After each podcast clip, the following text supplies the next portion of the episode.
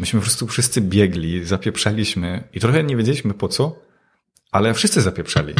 Wystarczyłoby spojrzeć w swoje zapiski albo podsumować wszystkie prace, w których byliśmy, czy projekty i zobaczyć, które momenty mnie najbardziej kręciły, co mnie najbardziej jarało w tej pracy. Schemat tego, że byłem chwalony głównie za to, co zrobiłem, a nie kim jestem, no to mój naturalny odruch jest taki, że im więcej zrobię, tym bardziej mnie kochają. No, ciężko walczyć z takim podskórnym poczuciem we mnie. Mm, dla mnie taki papierek lakmusowy, który bada taką zdrową produktywność jest taki, jak ja się czuję, jak nic nie robię.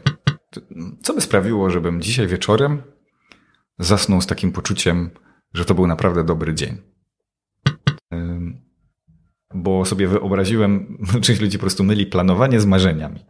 Nie, że wymarzam sobie, żeby był taki dzień, że zrobię to, to, to. To nie jest plan.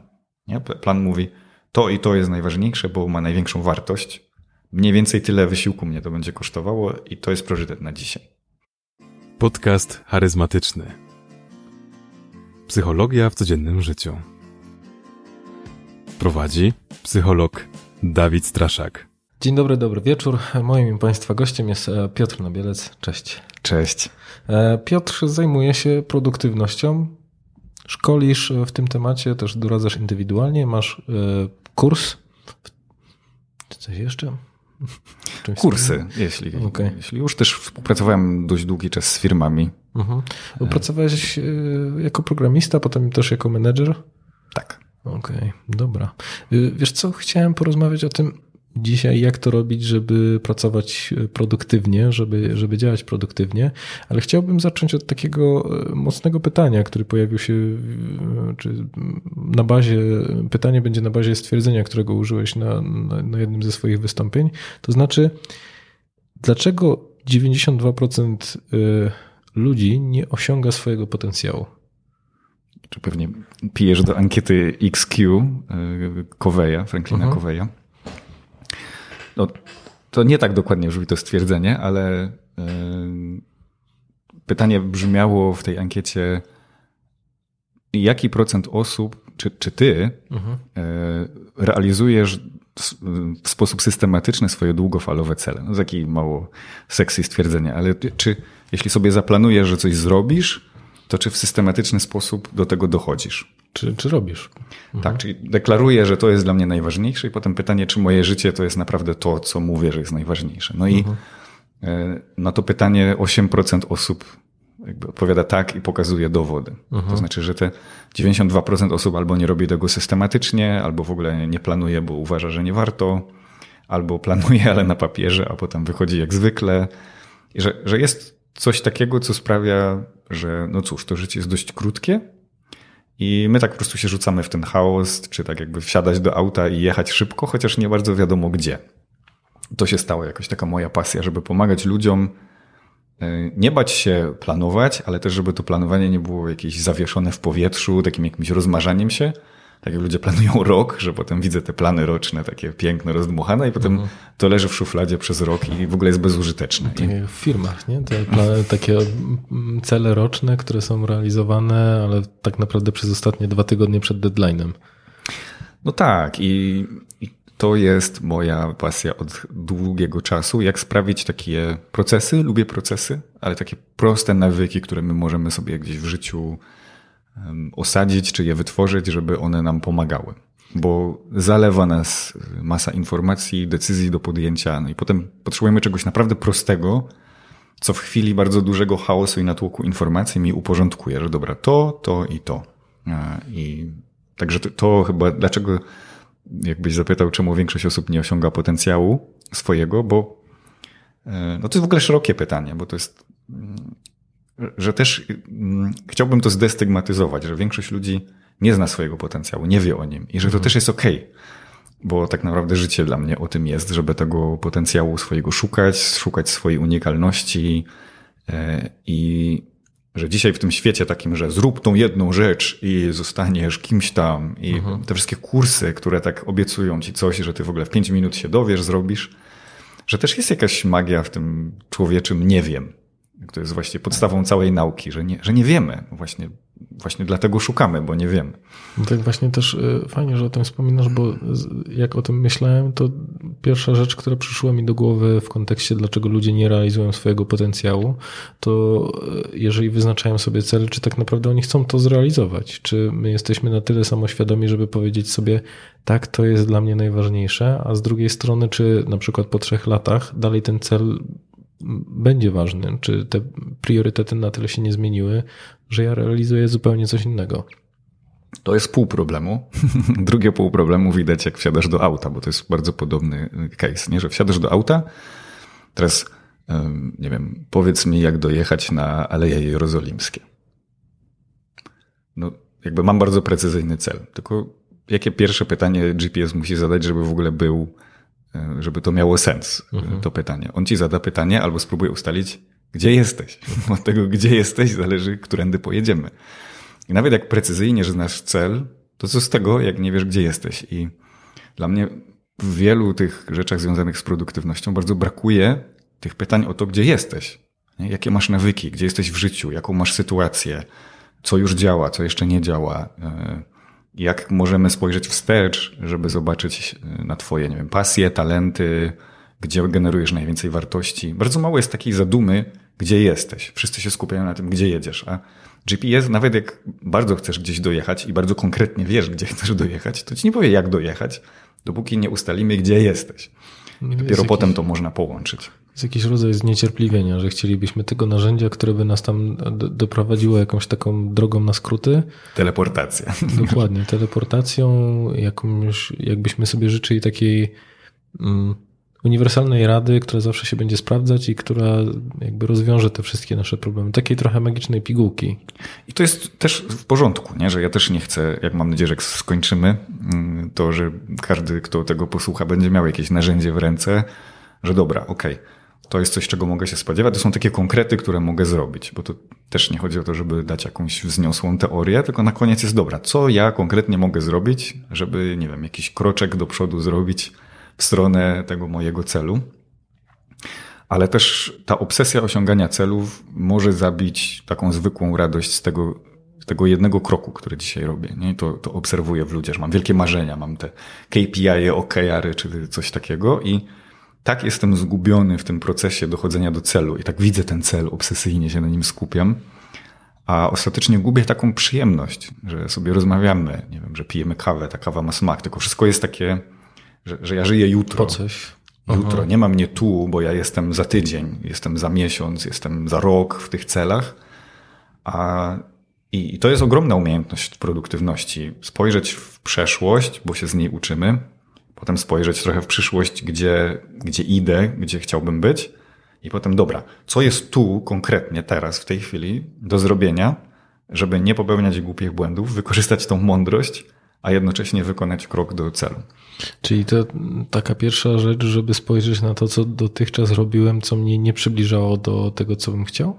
Dobrze to No w ogóle to jest taki szeroki temat. Ja uwielbiam journaling wszelkiej maści i potem wyciąganie z niego bardzo konkretnych wniosków. Na przykład e, część ludzi e, mnie pyta, wiesz, jak, jak ty odkrywasz, jak odkryłeś swoją pasję, czy tam jakieś talenty, jak, jak szukać talentów. Oczywiście można zrobić test osobowościowy. Teraz mówimy już o takich bardzo długofalowych rzeczach, ale e, chcesz odkryć pasję, talenty, robisz jakiś test, galupa, inne mhm. tam ludzie robią testy, ale wystarczyłoby spojrzeć w swoje zapiski albo podsumować wszystkie prace, w których byliśmy, czy projekty i zobaczyć, które momenty mnie najbardziej kręciły, co mnie najbardziej jarało w tej pracy. I nagle szukamy punktów wspólnych. Wystarczy taka krótka zaduma, dosłownie to nie jest pół godziny, godzina, Albo co to są za momenty w zeszłym tygodniu, w zeszłym miesiącu czy w zeszłym roku, w których poczułeś czy poczułeś, że robisz coś lepiej niż inni, że inni się strasznie mordują, a ty po prostu siadasz, pyk, jest.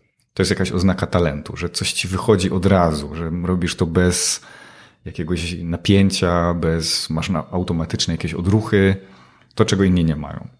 Mhm. Także y, ja jestem wielkim fanem grzebania, szczególnie w tych trzech y, obszarach E, jeden jest związany z pasją, czyli co cię grzeje, co, co sprawia, że ja się zatracam, że to kocham, że mógłbym to robić nawet nie zarabiając. drugi obszar tego talentu, czyli co mi wychodzi lepiej niż innym, czego się szybciej uczę, w czym mam jakąś naturalną intuicję. I to odkryję dopiero porównując się z innymi. Tak jak pasja jest o tym, jak ja się czuję, tego znowu ty nie widzisz. Ja to mogę udawać. Też mhm. mogę być dobrym aktorem. I albo a w szkole mnie oceniali, jaki jestem dobry w czymś tam, mhm. ale nauczyciel nie wie, czy piątka z tego i piątka z tamtego, to mogą być dwie różne piątki, bo jedną ja się zmuszam, a w drugim po prostu lecę sobie i kocham to. No i ta wartość, nie? Kiedy ostatnio ktoś mi dziękował, kiedy ktoś mówił, wow, super robota. Zazwyczaj też jest tak, że, ale ja nic nie zrobiłem. No jest właśnie, to jest ta esencja produktywności. Czyli, że się nie narobiłem, a był duży efekt. Mhm. I szukanie tego jest, jest, jest złotem. Wiesz, pomyślałem, e, że często ludzie się trochę nie zgadzają z tym, jak, e, że to, w czym jestem dobry, nie, od, nie jest tym, w czym oni chcieliby być dobrzy. To znaczy, że często, e, ja mogę nawet użyć swojego przykładu. Jak dowiedziałem się, zrobiłem sobie test Galupa i mhm. dowiedziałem się, że tutaj mam jakieś takie indywidualizacja, harmonia, empatia. W ogóle jeszcze byłem na stanowisku zarządzającym. Jak ja mam zarządzać ludźmi właśnie z takimi, z takimi talentami? E, no i okazało się, że jestem o wiele lepszym psychologiem niż menadżerem. E, ale pamiętam, że to był taki moment, w którym pomyślałem sobie, kurczę, ty, ja chyba nie chcę mieć takich talentów. Hmm. E, I myślę, że to w jakiś sposób to może być też taką rzeczą, którą, mm, mam wrażenie, że trochę to się jest zbieżne z tym ślepym podążaniem za swoimi celami. Tym, A czemu nie chciałeś? Bo to jest ciekawe. Czemu nie chciałeś tych talentów? Wiesz co, no miałem też trochę inne wyobrażenie na temat samego siebie, że raczej oczekiwałem, że, że, że wiązałem gdzieś swoją przyszłość z zarządzaniem i czułem, że mi, że to bardzo dużo mnie kosztuje, żeby osiągać takie wyniki, jakie moi koledzy i koleżanki na tych stanowiskach osiągali tak w sumie, łe, Jakoś to, jakoś to jest. Mhm. Może za dużo czasu poświęcałem na to, żeby empatyzować z ludźmi, zamiast robić. E, no i, i to też było z drugiej strony, tak, to, to, to był taki moment, w którym sobie uzmysłowiłem, że mm, miałem trochę inne wyobrażenie na temat siebie, czyli jakby to z psychologicznego e, punktu widzenia e, ja idealne i ja realne doznało takiego jakby du, dużego rozjazdu. No, to, to ci powiem, że przerobiłem test Galupa z około dwusetką ludzi w IT mhm. i najczęstszym talentem, który się pojawiał wśród menedżerów, yy, mój top jeden, to jest harmonia. To jest taki, taka ciekawa dla mnie rzecz, że jakby w tym środowisku, w którym ja pracowałem, bardzo mnie to zastanawiało i pomyślałem właśnie o tym, że że to jest jakieś unikalne, że nigdy bym nie strzelał. Myślałem, że będzie jakieś osiąganie, inne tego typu rzeczy. One oczywiście tam były, ale ta częstotliwość powtarzania się tej harmonii e, była dla mnie niesamowita i to dlatego, że w dynamicznym środowisku tak naprawdę ostatecznie liczą się ci, którzy potrafią się dogadać mhm. E, i nie generują długotrwałych konfliktów i harmonia jako talent ci to zapewnia, że ty nie dasz rady być w tym napięciu. A to tak może odjeżdżamy od tematu. E, ale ciekawy bardzo wątek, nie? Tego wiele, moglibyśmy o tym długo rozmawiać, ale wiele tej pracy w takiej produktywności to jest takie pogodzenie się z tym, gdzie jestem. I, I taka ślepa produktywność skupiona właśnie na jutro, na czymś tam, tak naprawdę trochę ucieka od tego, gdzie jestem dzisiaj, kim jestem, gdzie ja w ogóle chcę iść. E, ciężko się czasem przyznać, że ja nie wiem, gdzie idę. I, i że to jest okej. Okay. że to jest jakaś stygma, że ej, nie mam celów, nie wiem, gdzie idę, nie wiem, to jest fajny moment startu. stresujący, jak się ma świadomość, że rekruter cię o to zapyta na rozmowie rekrutacyjnej, gdzie pan chciałby być za 5 lat, a ludzie w większości przypadków nie, nie wiedzą, gdzie chcieliby no być. No tak. I też jak w dobie y, czata, GPT i innych rzeczy zapytasz, kto teraz zadaje takie pytanie, nie? Za 5 lat. Mhm. Y, jak tu, wiesz, wybucha wojna, tu wchodzi AI, wszystko się bardzo transformuje. Trochę nie wiemy, co się stanie z prawem i z takimi innymi rzeczami niedługo. I mm, jest fajnie mieć jakiś taki obraz, myślę, siebie i życia, ale on dla mnie jest związany bardziej z wartościami już, nie? Czyli na przykład ja mam bardzo głęboko w wartościach nie, kontakt ze sobą na przykład, nie? Czyli mm, to jest ta moja ciągła produktywność w rytmie slow, że jak biegnę za szybko, to tracę taki kontakt z tym, gdzie jestem, kim jestem, czego chcę i jak się czuję.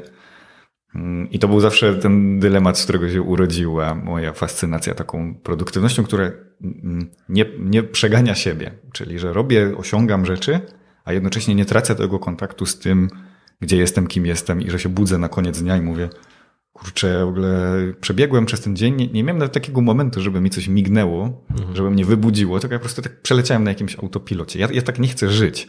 To raz na jakiś czas taki dzień się zdarzy i on jest taki nawet, bywa fajny. Otrzeźwiający trochę dla ciebie? Znaczy nie, fajnie się, fajnie się mhm. wpada w taki ciąg, że robisz, że osiągasz i do, dowozisz jakąś rzecz, ale jak to się staje taki dzień, co, jak co dzień, no to też traci się ten smak, bo nagle się okazuje, że zjadłeś jedzenie, nie pamiętasz, jak ono smakowało. W tych relacjach trochę nie bardzo nawet pamiętasz żadne emocje, tylko bardziej cele, dowożenie, od, od, jakieś tam odhaczanie kolejnych rzeczy i to... Takie unarzędziawianie, unarzędzie, no jakby wykorzystanie wszystkiego, co się wydarza w trakcie dnia jako narzędzia do osiągnięcia czegoś. Tak, tak. To jest takie trochę że fajne jest osiąganie, ale jest coś też nas ludzkiego związanego z, nie wiem, ze sztuką, z przeżywaniem, z obecnością, czego się nie da podrobić. No niedługo pewne rzeczy zautomatyzujemy mhm. i będą automatyczne i spoko. I wtedy pytanie, co sprawia, że to człowiek jest człowiek.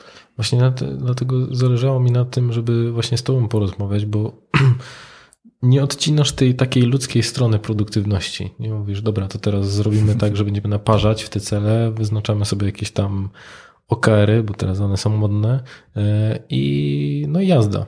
Mhm. E, I to nie jest takie podejście hasl, e, bo za każdym razem, kiedy mam wrażenie, kiedy ktoś skupia się tak jednostronnie, no to często nie mówi się o tych konsekwencjach y, pozwalania sobie na to, żeby być w tym pędzie mhm. dążenia do celu.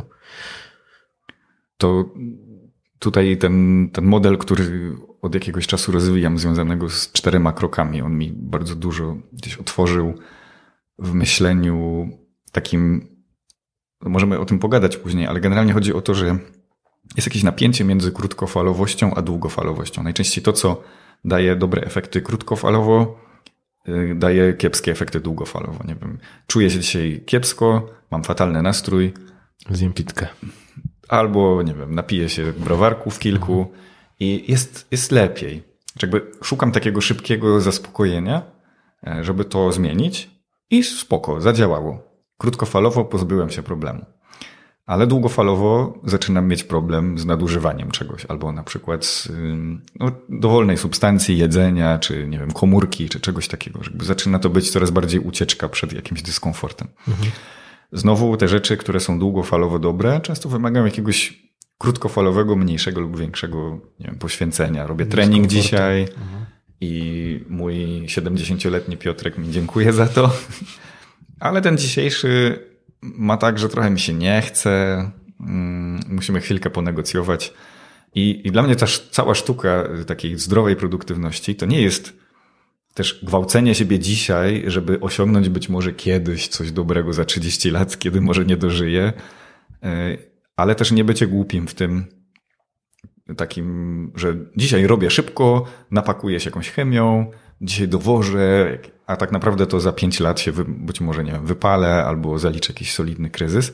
Tylko też jak zrobić, te, żeby te rzeczy, które długofalowo przynoszą dobre rezultaty, miały też dzisiaj jakiś smak, taki, że, go, że mi się przyjemnie kojarzy, że nie wiem, robię, jak robię trening, to go lubię. To nie jest tak, że o Boże, muszę się zmusić kolejny raz do, do treningu. Albo właśnie, no tak, mówią wszyscy o tych listach zadań, Boże, muszę kiedyś zrobić tą listę zadań. Tylko jak zrobić, żeby ci się przyjemnie do nich zaglądało? To jest cała taka sztuka, żeby usunąć to psychiczne napięcie, które się wiąże z tym, że mamy narzędzia, że wytwarzamy sobie jakieś nawyki. Bo normalnie jak ludzie o tym mówią, to tak, że nuda, jak nie wiem co, po prostu Jezu, znowu te jakieś listy, pomodoro, o kill me. Mhm. I teraz, kurczę, no da się zrobić tak, żeby te rzeczy były proste, w miarę przyjemne, dlatego też przykład mamy różne estetyki. Jedni wolą papier i tam sobie napisać swoją listę i wykreślać w ogóle ten, ten dźwięk wykreślania zadania. Nie? Że robimy, jeśli to mi pomaga osadzić ten nawyk w dzisiaj, róbmy to. E, I no, jestem wielkim fanem szukania tego, co nie jest takie ciężkie, ciemne i w ogóle nudne też do tego, mm, a jednocześnie pomoże zrobić długofalowo te rzeczy, o które nam chodzi. No. Wspominałeś o czterech krokach. Chciałbyś mhm. rozwinąć? No, zazwyczaj jest tak, bo jak robiłem takie szkolenia, w których mówiliśmy o całym spektrum zagadnień związanych z produktywnością, to no, mam tych ludzi przeszkolonych już kilka tysięcy, plus tam 30 tysięcy studentów na Udemy, ale ich trochę mniej liczę, bo mam mniejszy kontakt z nimi nie, bezpośredni. Nie mhm. Ale bardzo jasno było, nagle zaczęło być widać wzorzec, że są i, i zacząłem kategoryzować te problemy ludzi na takie jakby etapy, na których oni mają konkretny problem. I dla mnie krok pierwszy to jest takie ogarnięcie tu i teraz. Czyli, no dobra, wstaję i co mam zrobić? Co, co robię? I tam są takie zagadnienia typu lista zadań właśnie, czy kalendarz, coś, co steruje moją pracą. Co konkretnie mogę zrobić? Jak mogę wykorzystać tą godzinę, dwie następne, żeby wytworzyć maksimum jakiejś wartości w życiu? Nawet jeśli to jest spanie, nie, to mogę założyć, że to czasami da największą wartość z drzemka, mhm. albo rozmowa z kimś, albo, e, albo zrobienie konkretnego zadania. E, jak pracować nad swoim skupieniem, e, czy jak planować swój dzień, jak zarządzać komunikacją. I to mamy jeden dzień. Czyli mam jasność, co chcę zrobić, mam jasność, po co to chcę zrobić, jeśli się zabieram za zadanie, to potrafię się skupić, a nie rozrywają mnie telefon, tam komórka i nie, nie mogę po prostu utrzymać tego konia dzikiego w jakim, na jakimś torze, którym mi zależy. E, I jednocześnie mam cały czas interakcję z innymi ludźmi, więc ten plan ewoluuje. Nie? I teraz to jest, to jest ten krok pierwszy. Jak ktoś ogarnia to, a dużo ludzi to ogarnia dość solidnie, bo sobie tam poczytali książki, poeksperymentowali, no to się pojawia drugie pytanie, taki drugi krok. OK, teraz jestem zaangażowany w ileś projektów. No ty masz pewnie pracę, tu robisz podcast, tu coś tam, tu masz jakieś treningi. Jakby te dziedziny życia rozłożyć i projekty, to ich wyjdzie tam 5, 8, 12. I nagle musimy spojrzeć trochę bardziej z lotu ptaka po takim, nie wiem, tygodniu i zobaczyć, OK, podcast poszedł do przodu, to poszło do przodu, to poszło do przodu. I ale docisnąłem to i mi się tu wykrzywiło, bo jednak treningi zaniedbałem. Albo na przykład zaniedbałem jakąś relację i mało się jakoś odzwaliśmy, czy, czy czuję, że mi tam coś. No to w przyszłym roku trochę to, nie w roku, tylko tygodniu, trochę to przechylę. Niektórzy roku. tak mówią, że w przyszłym roku. Ale sobie to przechylę w tym tygodniu bardziej w stronę relacyjną i potem znowu będę miał przestrzeń. No i tak nawigujemy jak, jak taką łódką na falach. To jest ten krok drugi, ale też muszę mieć jasność, co chcę osiągnąć w treningach, co w podcaście, że, że taką klarowność. Czyli mogę to rozumieć jako taką e ewaluację tygodnia, jak sobie poradziłem z tym, co sobie zakładałem pod względem takiego górnolotnego, bardziej takiego wysokopoziomego określenia, z, których, z którego jestem zadowolony, a nad którym chciałbym jeszcze popracować. Wiesz co, szerzej bym chyba na to spojrzał. To jest taki mhm. trochę GPS, że przebiegłem jakiś kawałek, czy przejechałem, tu były dwa objazdy, tu coś tam i nagle, dobra, gdzie, gdzie jestem? Mhm. Jeszcze usunąć tą ocenę, czy jestem zadowolony, czy nie. To się nam przyda w kolejnym kroku, ale najpierw takie uczciwe, gdzie jestem, dobra. Zrobiłem treningi, jestem zadowolony, tu jak się mam energetycznie, to jest taki bardziej też czek, jak się mam psychicznie, czy jestem w takim znowu ciągu, jest taki, nie wiem, pół godziny zatrzymania raz na tydzień. Niektórzy tak 30 do 60 minut raz na tydzień. Dla mnie to jest naprawdę więcej niż wystarczająco, żeby to zrobić. I takie, gdzie jestem?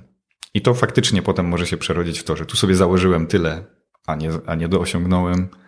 Ale tak, to jest takie zbadanie, jak, jak to moje życie w tych wszystkich piłkach w powietrzu, które mam żonglując, czy, czy to jest tak, że ja po prostu już czuję, że zaraz zleci, mhm. czy po prostu sobie żongluję i jest mi bardzo wygodnie. E, a może jest właśnie jakaś przestrzeń się zrobiła na coś nowego. Często, często tak jest, nie? że nagle zauważasz, że kurczę, tak sobie pooptymalizowałem te rzeczy, że czuję, że jest jakiś Można nowy jeszcze temat. jedną piłkę dorzucić. Tak, że dociągam ją i żongluję jeszcze jedną, albo że jest ich za dużo i na jakiś czas muszę jedną czy dwie odłożyć, bo, bo na przykład, nie wiem, muszę się podrapać w kolano. Także to jest, to jest ten krok drugi e, i też część ludzi go robi, ale już dużo mniej niż, niż te rzeczy związane z pierwszym, e, bo to jest często takie łapanie tego balansu, no właśnie, nawet w ciągu roku, nie? że jest tak, inna, inna jest wiosna, inna jest lato, inna jest jesień, inna jest zima. Każdy ma... Poza tym to trochę takie myślenie strategiczne, a to nie jest takie łatwe. Żeby się No na spojrzeć na to. Nie, nie, nie każdym, nie, po prostu są ludzie, którzy mają taką większą biegłość w tym, a inni muszą się tego nauczyć. To nie zawsze jest takie proste, żeby to obiektywnie oceniać. No tak, bardzo w sumie proste narzędzia, nie? bo to każdy może wziąć kartkę e, albo jakiś notatnik i po prostu wypisać takie projekty, bo ja dzielę to na projekty i na obszary życia. Projekt to jest coś, co ma początek i koniec, e, jakiś mm, właśnie do, do, zrobienie kursu dla mnie albo em, dowiezienie konkretnych rzeczy, których się zobowiązałem, że zrobię, ale które zajmują tam powiedzmy nie, 2-3 miesiące, 5 miesięcy, może 2 lata. Ale też są takie obszary życia, jak na przykład treningi. To nie jest coś, co się kończy. To po prostu to jest taki pojemnik na to, że mogę biegać, a mogę robić. Cyklicznie powtarzające się czynności, które będą towarzyszyły mi przez resztę życia. Tak, jako takie, to po angielsku są takie swim lane, czyli takie tory jak na, jak na pływalni. Mhm. I wystarczy to wypisać i nawet mieć tą kartkę i raz na tydzień po prostu sobie usiąść z herbatką albo wodą, albo kawą, albo winem, albo co tam kto chce i po prostu spojrzeć i zobaczyć, natychmiast wyskoczy taki, e, takie coś, że o, jestem dumny z tego, jak mi to poszło i jakiś taki, że kurde, chyba to troszkę zaniedbałem. E, I, I to zaniedbałem i jest mi ok z tym, albo takie zaniedbałem i chętnie się tym zajmę. I po prostu w tej bieżączce, takim ciągłym gonieniu, że mm, nasz mózg automatycznie bardzo chętnie się skupia na tym, co mamy tuż przed nosem.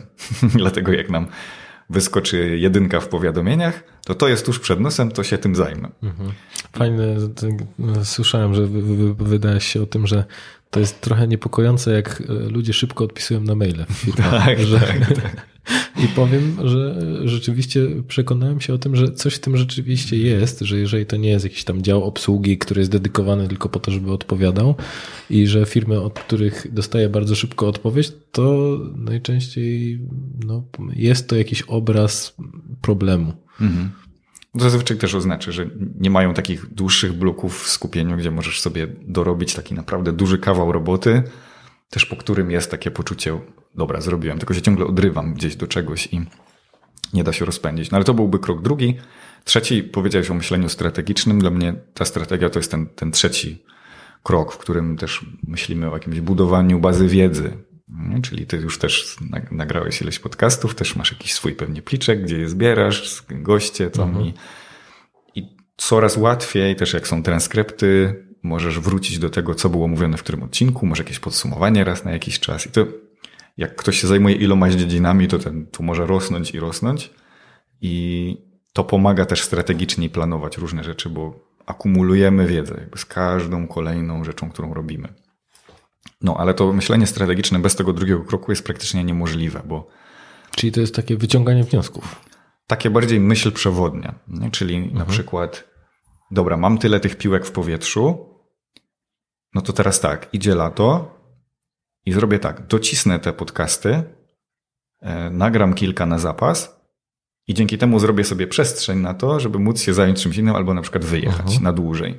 I dzięki temu się będzie. I to jest dla mnie jakaś strategia, coś co Okay. podejmuję decyzję, że coś się stanie kosztem czegoś i robię to świadomie, widząc te, mając chociażby tą listę przed oczami. I dopiero jak się ludzie nabierają takiej wprawy w takim właśnie biciu serca trochę w przeglądaniu jej, to czują, że zazwyczaj to jest kosztem tego, albo to, to mnie kosztuje tyle emocji, że najlepiej byłoby się skupić na dwa tygodnie tylko na tym, popchnąć to o bardzo dużo do przodu. Na przykład, nie wiem, ktoś buduje dom.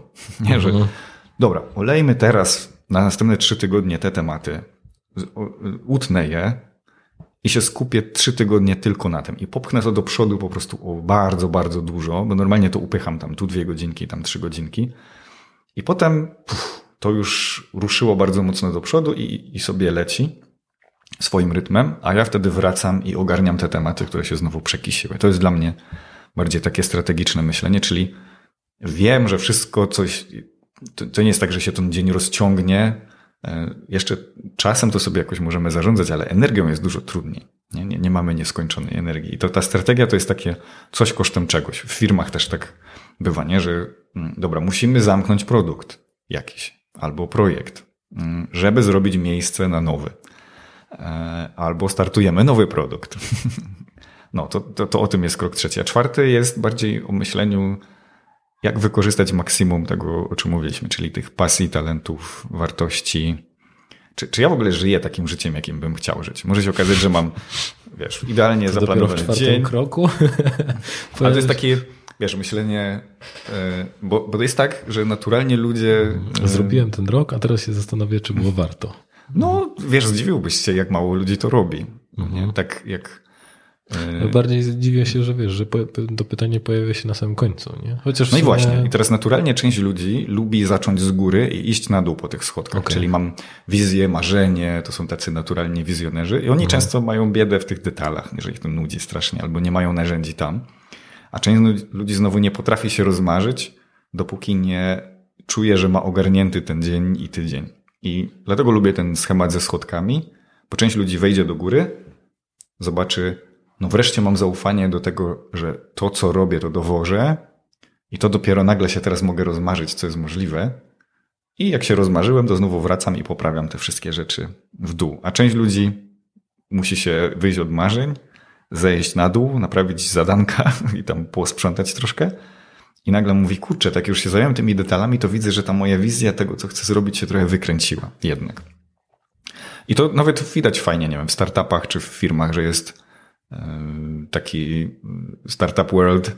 Andersen Horowitz to by powiedział, że jest type 1 i type 2, takie dwa typy. Jeden jest bardziej naturalnie zorientowany na tym kroku pierwszym i drugim, a drugi na trzecim i czwartym. Najczęściej to są współkofounderzy jakiegoś startupu. Nie, że jeden jest takim bardziej wizjonerem i myśli o tym, co by chciał osiągnąć, a ktoś ten detale musi ogarniać.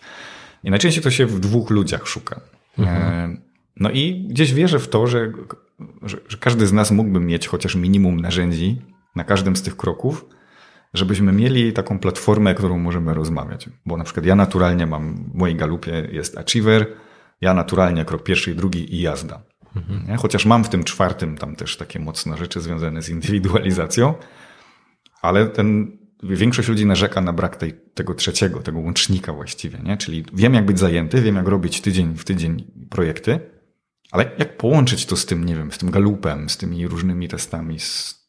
no wiem, że mnie coś pasjonuje, wiem, znam trochę swoje talenty, ale jak to połączyć? Mm, Także tam jest bardzo dużo pracy. Nie ma też na przykład fajnych książek na ten temat, które No by właśnie, też sensownie tym pomyślałem, że to e, takie bardzo specyficzne połączenie pomiędzy produktywnością i też taką wydajnością, a e, dopasowaniem tego całkowicie do siebie, że No marzenie moje, nie? żeby tak było, żeby za jakiś czas, żebyśmy spojrzeli wstecz na ten moment na świecie i stwierdzili, myśmy po prostu wszyscy biegli, zapieprzaliśmy i trochę nie wiedzieliśmy po co, ale wszyscy zapieprzali, więc wydawało nam się to normalne. Nie? Tak jak benzyna ołowiowa kiedyś była.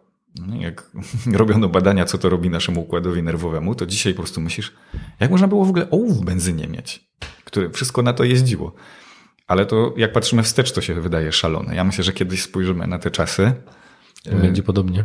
i będzie podobnie, bo, bo uwierzyliśmy w bzdury, e, oglądamy idealne życie Instagrama i social mediów i wszystkiego i wydaje nam się, że wszyscy wszystko pięknie ogarniają. Ja mam takich ludzi w kursach potem. Nie, że, że e, to jest tak, jak porównujemy swoje ciała do tych idealnie wyfotoshopowanych rzeczy, tak ludzie się naoglądają jakiś guru, którzy tam wszystko ogarniają i myślą, coś jest ze mną nie tak. Tak jakby takie normalne życie, coś, coś z nim było nie w porządku. I to jest, to jest w ogóle oddzielny y, problem, o którym moglibyśmy pogadać. Wiesz, to też myślę, że ważna, e, ważna rzecz, bo ja też z takiej perspektywy gabinetowej, nie wiem, czy słyszałeś o tym ruchu FIRE, Nie. e, Financial Independent Retire Early, czyli tak, tacy hustlerzy, nie? Że, żeby i oni często też właśnie mają takie podejście, jak ty mówiłeś o tym dwutygodniowym sprincie, że dobra, to spinamy się, żeby tam ten dom popchnąć do przodu, tylko że to jakby rozciągałem na jakiś okres życia, mówiąc, ok, dobra, to ja się teraz zepnę e, na te 5 lat, żeby potem resztę życia być na emeryturze. I to też jest ciekawe, że takie osoby przychodzą do mnie do gabinetu i mówią, no nie wiem, czy to było warte. Czy to jest dokładnie to miejsce, w którym chciałbym być? E, Trochę jakby odpowiadając sobie na to pytanie, czyli ja zrobiłem tą analizę, tą czterostopniową, em, o której ty mówisz, ale z drugiej strony okazuje się, że wykorzystanie tego w takim może mocno ślepym pędzie, który miałby mi coś dać, też nie jest swego rodzaju rozwiązaniem. I to było dla mnie zaskakujące, że to nie były pojedyncze, znaczy, no, że to było kilka przypadków, ale bardzo z podobnymi przemyśleniami co do tego samego podejścia. Więc okazuje się, że nawet jeżeli to są osoby, które realizują konsekwentnie te cele, te cele i osiągają, e, to może to nawet nie do końca ma sens. A na Instagramie i tak będzie wrzucona fotka, że jest ok. No w produktywności jest bardzo dużo takiej psychologii, yy, też poznania siebie w jakimś sensie. To, to trzeba powiedzieć też to, że bycie zajętym jest dzisiaj yy, takim jakimś poziomem statusu. Już trochę odchodzimy od tego, Mhm. ale też yy, Krótki przerywnik. Jeżeli szukasz szkolenia dla swojej firmy, to mogę pomóc. Po pierwsze, zespołom, ucząc ich skuteczniejszej komunikacji i współpracy oraz jak zadbać o swój dobrostan psychiczny. Po drugie, liderom, ucząc ich w jaki sposób współpracować z osobami, które doświadczają problemów natury psychicznej, które są w ich zespołach oraz jak prowadzić trudne rozmowy.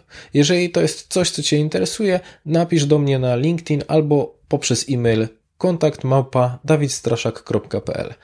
Dzięki i wracamy do podcastu. A, o uzależnieniach. Mhm. Okej, że mam, jeśli bym napił się alkoholu codziennie, żeby stłumić jakieś poczucie, że coś jest ze mną nie tak, albo bym robił jakieś różne inne rzeczy, to one prędzej czy później wyjdą jako takie, no, że nie, nie fajnie, że sobie nie radzę w życiu. I mamy takie w sumie dwa uzależnienia teraz, które znowu są takim przykrywaniem tego, że ja czuję, że coś jest ze mną nie tak. Że nie, nie że coś robię i to jest nie okej, tylko że ja jestem nie okej. I wystarczy być fit i być takim produktywnym, że ciągle zajęty, że patrz, patrz, co ja robię. I o ile dostajemy dość negatywny feedback o tych uzależnień, y, które dają tą spiralę w dół y, w większości, to bycie zajętym jest takim uzależnieniem, może być uzależnieniem, dlatego ciężko to bardzo odróżnić. Nie? Bo są ludzie, którzy mają drive, mają fajne marzenia i właśnie się wkręcają jakby do góry, trochę jak te ptaki, które sobie krążą na jakiejś naturalnej fali, a to może być po prostu zwykłe uzależnienie i ucieczka. Tylko najgorsze, jakie możliwe być, jakie może być, bo y, wpadasz w ciąg uzależnieniowy, a ja ci biję brawo i mówię, wow, ale super, jeszcze ci Wszyscy lajki wrzucą, biją nie? brawo i mówią, Tak, że na przykład wyobrażam sobie, Piotr to potrafi. Nie? no, to jest tak jakbym, nie wiem, wrzucił posta, że się nawaliłem jak działo trzeci dzień z rzędu i po prostu wszędzie leżą butelki i dostałbym najwięcej Ekstra. lajków w życiu i wszyscy by mi gratulowali, dzwonili, pytali jak ja to robię. Nie? No nie dzieje się to. A, a w tym byciu zajętym i, i też ta granica między tymi światami jest dość cienka. I, mm, i właśnie dla, dlatego bez tego spoglądania, tej chociażby krótkiej refleksji, gdzie jestem, łatwo wpaść w ten ciąg, bo się nam wydaje, że wszyscy tak robią. Mhm, bo ciężko się umówić w dużym mieście z kimkolwiek tak naprawdę z dnia na dzień. Wszyscy Mhm. są zajęci i nagle się okazuje, że skoro ja mam czas, to może rzeczywiście ja zrobię coś źle. E, I z drugiej strony też trochę tak w, w, zabrzmiało, jakby te osoby bały się spotkania ze sobą, więc ja będę tak bardzo zajęty, żeby nie musieć się skonfrontować z tym, co właściwie jest nie tak. No też story of my life, mogę powiedzieć, że no, bycie zajętym mi bardzo długo służyło jako, jako ucieczka przed tym, czego nie chciałem zobaczyć. To na pewno jest też mój przypadek. E, Zderzenie potem jest dość bolesne najczęściej, a dlatego jestem takim adwokatem tego, e, nie adwokatem, to po polsku się mówi. Apostołem. Apostołem, promotorem, czy jak to tam nazwać, tego zatrzymania się raz na jakiś czas i stwierdzenia, że osiąganie też może być próbą przykrycia takiego poczucia, że ja nie, że w ogóle coś jest ze mną nie tak. I jeśli y, szczególnie w dzieciństwie miałem schemat tego, że byłem chwalony głównie za to, co zrobiłem, a nie kim jestem, no to mój naturalny odruch jest taki, że im więcej zrobię, tym bardziej mnie kochają. No, ciężko walczyć z takim podskórnym poczuciem we mnie, że y, dopiero jak zrobię, to jestem okej. Nie? I też tak samo z perfekcjonizmem, w który ludzie wpadają, pewnie masz tego w gabinecie dużo. Ja się staram tak jakby bardzo głęboko w to nie wchodzić, bo to nie jest moja rola, ale żeby zaznaczyć, że tak może być. Ale myślę, że to jest bardzo ważne to, co powiedziałeś, że mm, jakby przykro mi słyszeć, że ty się z czymś takim borykałeś, ale mam wrażenie, że to nie jest e, tylko i wyłącznie twoja historia, więc to ważne, żeby też ludzie mieli świadomość, z czego to może wynikać, e, że zależałoby mi na tym, żeby wiesz, pod tym podcastem pojawił, jakby, żeby ten podcast kogoś skłonił do refleksji, o kurde, to może ja też rzeczywiście e, dlatego tyle robię, e, bo może nie pojawiać się ta refleksja, a że chcę, chcę więcej osiągać, a nagle się okazuje, że a dla kogo ja chcę osiągać? Dla mamy, dla taty, po to, żeby powiedzieli, że jesteśmy z ciebie dumni, a pytanie, czy tak naprawdę cokolwiek robię dla siebie. I odnośnie Instagrama ostatnio przeglądałem takie konto pani psycholog dziecięcej, która mówiła o tym, że dzieci podskórnie bardzo dobrze czują, e, co, czego oczekują rodzice. Mhm. I często, i ona zadała takie pytanie, co robiliście, żeby wasi rodzice byli szczęśliwi? I bardzo dużo odpowiedzi było, które pokazywało, że my, i, i takie, które, żeby było jasne, to były odpowiedzi, które pokazywały działania w życiu dorosłym, czyli na przykład nie wyjechałem na studia, bo chciałem, mm. jakby czułem się w obowiązku zostania z rodzicem, więc myślę, że dużo jest tam takich, e, no, takich aspektów, które wpływają na to, że, że staramy się spełniać czyjeś oczekiwania, kiedy my nie, zas, nie zadamy sobie pytania, a jakie są twoje oczekiwania? I to jest też ciężkie, no bo jeżeli nie zadajesz sobie tego pytania, to w pewnym momencie mówisz, nie wiem, no to dobra, to rzucam się w ten wir zadań, żebym nie musiał sobie go zadawać dla mnie w ogóle jest tak. Po pierwsze, jak się oswoimy z tym, że nie wiem, jest ok, to i to to powiedzieć głośno. Nie wiem, jest ok. Będzie na Jak nie wiesz, y, jakie masz cele, nie wiesz, jakie masz talenty, pasje, a nigdzie idziesz, to jest super miejsce, żeby przestać też uciekać i się właśnie zadumać nad tym. I, I ten moment, że nie wiem, jest dyskomfortowy, ale jest piękny w jakimś sensie. I mm, dla mnie taki papierek lakmusowy, który bada taką zdrową produktywność jest taki, jak ja się czuję, jak nic nie robię. Czy jak się położę na kanapie i leżę pół godziny, naprawdę niewiele ludzi znam, która potrafi przeleżeć pół godziny na kanapie z takim uśmiechem i poczuciem a zazwyczaj jest tak, że muszę sobie zasłużyć, trochę jak pies, nie? Mm. że po prostu zrobiłem siad, aport, coś tam, to dostanę smaczka, że nic jeszcze cię nie zrobiłem, to czemu mam leżeć? Albo czuję się winny, albo czuję taki podskórnie rosnący niepokój, i to jest dla mnie ten, ten znak ostrzegawczy, że, że to za daleko poszło. Bo, bo muszę mieć te dwie umiejętności. Zresztą nawet nasz organizm jest tak zrobiony, że on uwielbia te zrywy, bez nich jest, jest kiepsko, nie? że mam ten wyrzut tych wszystkich hormonów, które mnie karmią, e, a tu strzał dopaminy, a tutaj adrenaliny, że mamy. To jest w nas takie bardzo zwierzęce i pierwotne, mhm. ale potem się kładziemy i regenerujemy. Nie? Część, nawet nasze nadnercza, które robią e, adrenalinę. Wystarczy, że jesteśmy cały czas w stanie pobudzenia, będziemy super produktywni, ale nie mamy tego zapasu, e, żeby właśnie się odbić z czegoś. I potem się okazuje, że one przestają produkować tyle, ile trzeba, się zastanawiamy, zaczynają się właśnie wypalenia i takie. Mhm. To w ogóle na poziomie hormonalnym się zaczyna. E, ale to, to ciało nasze potrzebuje tego rytmu ciągle, takiego ja głęboko w to wierzę, widzę, nie wiem, zjemy jedzenie, co robi insulina? Pff, leci do góry, komóreczki sobie wchłaniają cukier i na dół. I pływamy sobie w tym. I oczywiście, jeśli ten dołek przychodzi, a ja sobie z nim nie radzę, no to znowu zjem coś słodkiego, zapiję kawą i to sprawia, że z tego dołka wybijam się na kolejną górkę i mam taką straszną huśtawkę i ten, to rozhuśtanie sprawia, że potem ja nie potrafię się wyciszyć. Także mm, no, chyba taką myślą bym skończył. Chyba te, ten, ten dla mnie jeden z najważniejszych diagnostycznych ćwiczeń to jest położyć się, poleżeć pół godziny, nic nie robiąc i też przyjrzeć się tym myślom, które się pojawiają, tym jakimś uczuciom i czy w ogóle, czy, czy ja muszę sobie zasłużyć, żeby pół godziny poleżeć, bo mam naprawdę masę ludzi do mnie trafia gdzieś w kursach takich, że jak miałem produktywność krok po kroku, prowadziłem kurs, to jeden dzień był taki przewrotny. Lekcja była, żeby zaplanować niezbędny minimum, i wykorzystać każdą okazję, żeby się poobijać, żeby się poobijać. Tak w zdrowy sposób, żeby zobaczyć też, który typ obijania mi sprawia przyjemność, a który mnie mniej ładuje. No to tak dobre dwie trzecie osób, bo potem na koniec dnia się wypełniało raport, pisała, nie umiem, ja już nie wiem jak się to robi. Mhm. To było bardzo, to jest taka najsmutniejsza chyba była lekcja, a część znowu pisała, Boże, jak ja dawno tego nie robiłem, ale super. I na drugi dzień mieli dodatkowy drive. Tak, że, że, że się podładowałem, bo nagle sobie przypomniałem, albo robiłem jakąś rzecz, nie wiem, przesadzałem kwiatki, albo robiłem coś, co mnie naładowało i nagle na drugi dzień właśnie miałem to się z czego odbić. No ja powiem ci, że już gdzieś y, usłyszałem o, te, o, o, o tym twoim sprawdzeniu, czyli zrób sobie ten dzień wolny i, i zobaczymy jak będzie. I zrobiłem go w tym tygodniu. E, no i wnioski miałem bardzo przykre, to znaczy, że wiesz, jakby cały dzień byłem na rowerze, potem gdzieś tam spotkałem znajomych, tak spontanicznie sobie z nimi e, z nimi poszedłem. Jeszcze fajnie, złożyło się tak, że po prostu rzeczywiście mogłem sobie pozwolić na to, żeby ten dzień był taki wolniejszy. I pomyślałem sobie, po co ja się mam starać w ogóle. Jakbym spadła mi motywacja do robienia czegokolwiek mm. innego, bo do, dotarło do mnie, że w sumie w jakiś sposób ten, ten wolny dzień dał mi jak, jakieś takie poczucie spełnienia.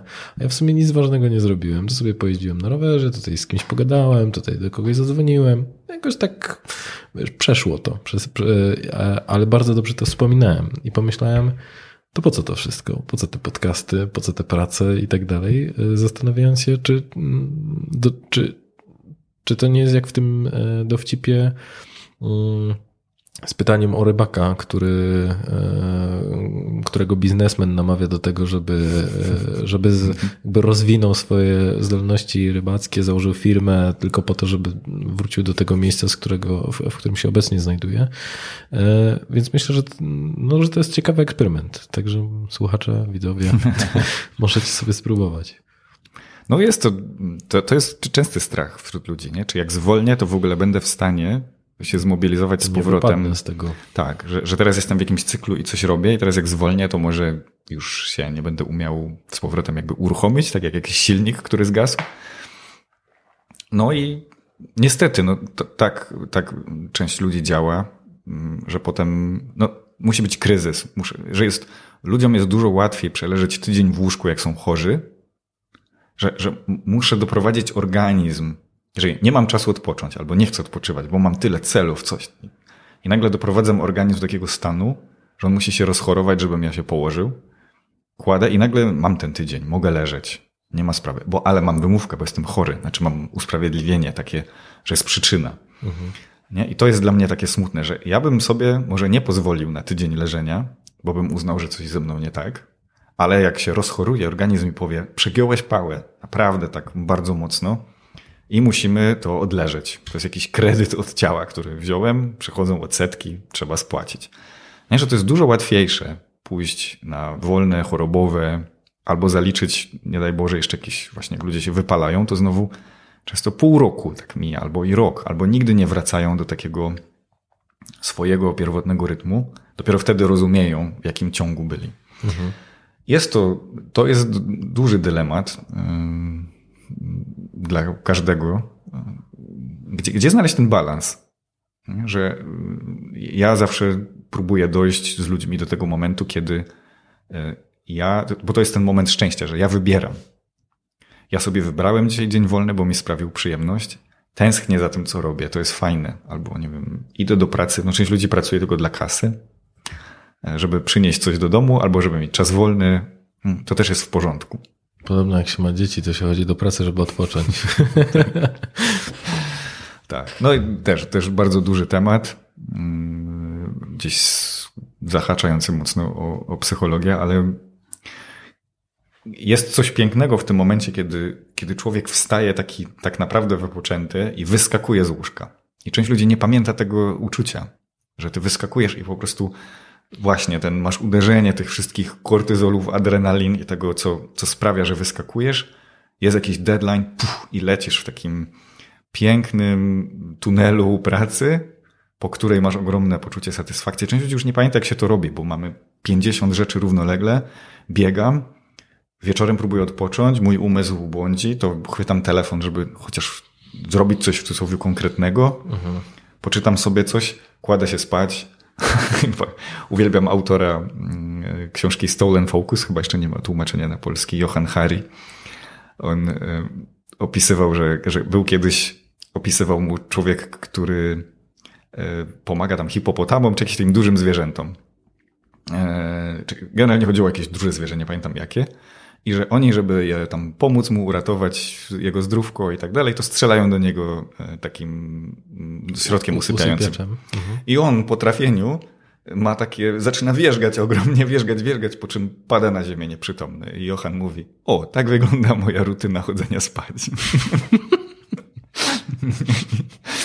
I czasami to, to, mi, y, to mi też przypomina historię różnych ludzi, że po prostu nie, nie umiałbym pójść spać tak normalnie, więc jeszcze po prostu wieczorem coś tak robię, takie i padam Mhm. nieprzytomny. Nie, Dorzucę jeszcze kilka zadań i... tak, to jest, jest jakieś normalne. No, właśnie miałem pytać, czy to, ta kwestia wstawania bez takiego wigoru nie jest przypadkiem no, wypadkową tego, co, co, co się robi dzień czy wieczoru wcześniej, że jednak nie odpoczywamy, y, w jakiś sposób też no, rozładowujemy mm, to napięcie przez przeglądanie takie kompulsywne, jakieś oglądanie seriali, social mediów, co no, po prostu nas drynuje, bo to ani nie jest odpoczynek, ani nie jest y, praca. Y, no i my nawet nie mamy czasu na to, żeby, żeby w jakiś sposób odbudować tą, tą swoją energię na, na następny dzień. Też bym zdestygmatyzował i social media, i seriale, i tego, że nie, nie ma nic w nich złego, tak długo jak znowu są takim wyborem, że ja chcę to robić. Nie? Teraz część ludzi ma tak, że czuje, że coś ze mną nie tak, chcę zagłuszyć to uczucie, więc chwytam za social media i za serial i wtedy to jest niezdrowe, bo, bo to jest jakaś forma ucieczki, ale jeśli ja chcę poszperać troszkę, zobaczyć, co tam słychać u ludzi, bo nie mam z nimi kontaktu, to że- żeby to nie było tak, że to jest tylko złe albo tylko dobre, E, Ale dla mnie to nawet nie jest kwestia jednego dnia, tylko więcej. I to czasami dużo więcej. E, Że, że to nie jest tak, że ja dzisiaj odpocznę, jutro wstanę pełen energii. Nie? Znam ludzi, którzy musi, muszą poświęcić tydzień, dwa. Część ludzi, która jest na urlopie trzytygodniowym, tak jak mówiłeś. Nie wiem, czy to ty, czy dzisiaj z kimś rozmawiałem o trzytygodniowych urlopach. I on mówi, że dopiero w tym trzecim tygodniu Dochodzą do siebie. albo dochodzi do siebie, albo właśnie łapie taki hyperdrive, że no dobra, już bym coś zrobił. I, I w ogóle dożyć do tego momentu, to jest, łapiesz takie totalne zaufanie do tego, że w tym, że w tym odpoczywaniu jest taki moment, kiedy jest taki, jesteś jego pełny. Nie? I też zobaczyć, gdzie, gdzie jesteś. Że tak naprawdę wypocząłeś. Ja mam, uwielbiam to, że w telefonach teraz y, jest, w baterii są te dwa parametry. Y, Jest parametr, jak masz naładowany telefon, jaka jest kondycja baterii. I każdy z nas może sobie zapytać, jaka jest kondycja baterii, bo mam naładowany na 100% po nocy, ale jak zobaczę w ustawienia, że kondycja baterii jest 30%, no to idę wymienić baterię. Nie? Bo to, to, to jest 100% z 30%. I, I lubię o tym myśleć właśnie w ten sposób, że co noc ładujesz się do 100%, ale to jest 100% z czego? E, Czyli jaka jest twoja kondycja? tak, jaka jest kondycja tej baterii, którą ja sobie co noc ładuję i dla części ludzi odbudowanie jej do 100% to jest zazwyczaj tydzień do dwóch, tak do, do maksa, ale dla części ludzi, która się ślizga właśnie gdzieś po granicy wypalenia, to bywa i więcej. Znowu, to nie musi być radykalny proces typu rzuć wszystko i wyjedź w Bieszczady, ale to jest jakiś znowu w tych piłkach, którymi żonglujemy, może być tak, że zaczynam sobie robić troszkę przestrzeni. Nie? Będę więcej chodził do lasu, będę więcej spędzał czasu słuchając sobie jakichś takich chillowych rzeczy, e, które mnie wyciszają, albo poćwiczę sobie oddychanie takie spokojne mm, przed spaniem. E, Polecam 4-7-8, tak zwane w Google łatwo znaleźć. że 4 sekundy wdech, 7 wstrzymania, 8 wydech. To jest też bardzo wycisza układ nerwowy. I ludzie zaczynają gdzieś 5, 10, 15 minut dziennie sobie wbudowywać taki bloczek. No i nagle się okazuje, że ten kondycja ich baterii znowu nie musi być tak, że skacze w tydzień z 30 na 100, ale że ona się powolutku regeneruje. Mm, To tak, to jestem wielkim fanem. Mam takie pytanie, jak. Bo używasz takiego stwierdzenia, że. y, Jak to zrobić, żeby, żeby idąc spać, mieć takie poczucie, że to był dobry dzień? I co, co byś ludziom poradził, żeby przed spaniem. Skąd ten uśmiech? Yy, No nie, to, takie kluczowe pytanie Yy, I, i lubię je. I dla mnie ono ma dwie składowe. Jedna jest taka, że rano sobie zadaję to pytanie. Co by sprawiło, żebym dzisiaj wieczorem zasnął z takim poczuciem, że to był naprawdę dobry dzień? Co by się musiało stać? I Czy ja, jak już tak wyskoczę z tą energią z łóżka, to zadaję Nie muszę, nie? Właśnie, mhm. właśnie może chodzi o to, że wstaję z łóżka i uczciwie sobie zadaję pytanie, ile mam dzisiaj, ile moja bateryjka wynosi? I uczciwie stwierdzam, że dzisiaj jest 40%. Swoją drogą, jak miałem, prowadziłem tam kilkanaście edycji y, produktywności krok po kroku, to z ponad tam 1200, z ponad 1200 ankiet, tą średnią taką długofalową baterię, wiesz jaka była średnia mniej więcej, którą ludzie oceniali? Gdzie są teraz? Że ile mają baterii? Tak, takiej bardziej długofalowej, życiowej. Czyli kondycji. Takiej, gdzie, na co wpływa, nie wiem, cele, relacje, twoja kondycja psychiczna. Nie wiem. 60%? 55. To była średnia z tam ponad tysiąca osób. Mhm. E, I, I dobra, zadaję sobie pytanie, gdzie jestem dzisiaj? Może mam 30%. Wiesz, inaczej używasz telefonu, który nie możesz naładować w ciągu dnia, a rano ma 20%, a inaczej jak ma 100. Więc pierwsze pytanie, w jakiej kondycji zaczynam dzień? Czy umysł mam rozbiegany, czy spokojny, czy... I dobra, co by sprawiło, żebym dzisiaj wieczorem się położył z uczuciem, że to był dobry dzień i to maksymalnie trzy rzeczy, żeby były. I to wyznacza taki, właśnie w, w kursach to, to ćwiczenie, ono jest bardzo proste i bardzo duże rezultaty ludziom dawało. Czyli, że dobra, dzisiaj mam do zrobienia 10 rzeczy, ale żeby się położyć wieczorem spać i rano sobie zadaję to pytanie. E, dzisiaj wieczorem, żeby się położyć spać z poczuciem, że to był dobry dzień, potrzebowałbym popchnąć ten jeden temat do przodu mocno, E, potrzebowałbym spędzić spokojny czas na przykład z dziećmi. I po trzecie, e, nie używać na przykład ekranów po 21 i się spokojnie wyciszyć i położyć potem spać z takim nierozbieganym umysłem. Czasami ludzie mają tak. Albo czasami są, muszę ogarnąć trzy konkretne tematy, oddzwonić do kogoś, domknąć temat. I nie to, że je zrobią, ludziom daje największą satysfakcję, tylko to poczucie, że ja mam kontrolę nad tym dniem że też w ciągu dnia, jak mi wpadają wrzuty, bo jest tych wrzut dużo, to ta świadoma decyzja rano, którą nazwałbym planowaniem, sprawia, że hej, to jest ważne, ale to, co rano sobie stwierdziłem, jest ważniejsze.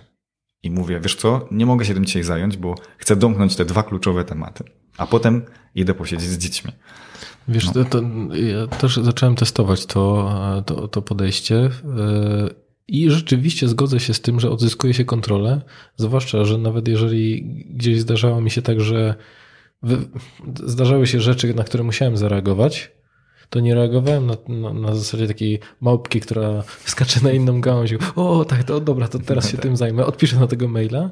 Tylko jeżeli było rzeczywiście coś ważnego, to zadawałem sobie to pytanie, dobra, może nie pytanie, tylko mówiłem świadomie, ja wiem, czym powinienem się dzisiaj zająć, ale świadomie się decyduje, że dobra, teraz to jest rzeczywiście ważniejsze, mogę to przełożyć na jutro. Czyli rzeczywiście to jest moja decyzja, a nie wpadł mail, coś się tam pojawiło, tam jakieś powiadomienie.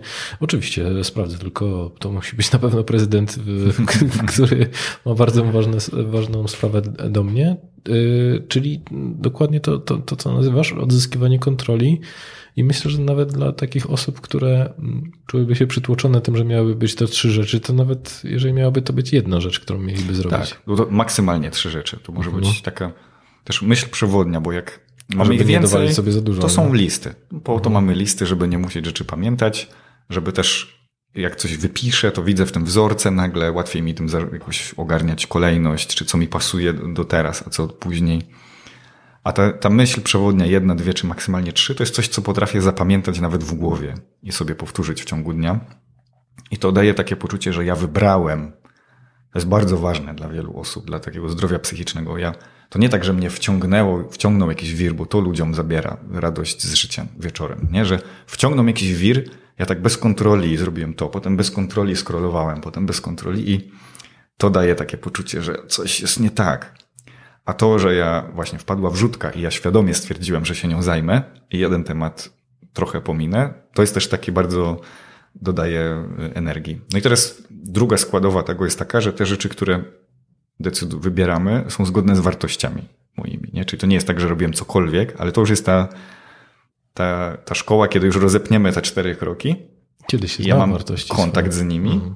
to wiem, że dobra, to, to był dzień, nie dość, że zrobiłem te tam jedną, dwie, trzy najważniejsze rzeczy. Oczywiście tych zadanek tam po drodze było 8, 10, mogło być ich więcej, ale że ta myśl przewodnia dnia, ona się domknęła. I taki dzień w dzień ja pcham do przodu najważniejsze rzeczy i potem, hej, one są w ogóle zgodne z takimi moimi rzeczami, tak jak chcę żyć. I to jest to, jest to uczucie, że się chce wstawać rano.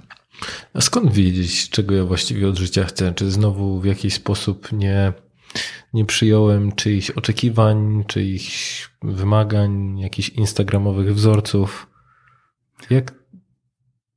Nie wiem, ale wiem, że jest to droga na tyle, na ile mam kontakt z ludźmi, to jest droga poszukiwania. Mhm. Nie? I teraz każdy, kto mówi, że wie, co chce od życia i ten, ja uciekam od takich ludzi, bo to znaczy, że coś, jest, coś tam jest nie tak. Zawsze jest jakaś, my w życiu widzimy coś, a potem nagle z zapagórka wychodzi coś jeszcze i o tym jest życie dla mnie, o takim szukaniu, że jak ja znalazłem, to, to w ogóle po co, po co dalej chodzić? Ja się zastanawiam, właśnie chciałbym zrobić kiedyś wywiad z nim, takim Adamem Małyszem, który, wiesz, jest najlepszy. Był taki moment, że on po prostu, wszyscy tam trenują coś, on po prostu sta, siedzi na belce, skacze, bam, 10 metrów dalej niż reszta. Teraz skąd wziąć motywację, kiedy jesteś w takim miejscu. A także mm, to, to poszukiwanie i takie zderzanie się z tym, gdzie jestem teraz, czego nie wiem. Mm, no, no na pewno, czekaj, jeszcze wrócę do oryginalnego pytania, nie lubię, żeby było nieodpowiedziane. Jak szukać, jak jeszcze raz to nazywałeś? Czyli skąd wiedzieć, czego, czego ja chcę, jakie są moje wartości? E, jak, bo no, pytam o to e, z tego względu, że to nie Wiele osób, z którymi rozmawiam, wspomina o tym, że to jest super istotne. Mhm. E, I z drugiej strony e, mało jest jednoznacznych wskazówek, jak, jak się tego dowiedzieć. No to są takie narzędzia bardzo krótkofalowe, które dają jakieś wskazówki, i są narzędzia bardziej długofalowe, które uwielbiam, bo one dają podróż przez całe życie. Narzędzia krótkofalowe to są wszystkie maści testy, czy bardziej kwestionariusze osobowościowe, żeby tu psychologom oddać.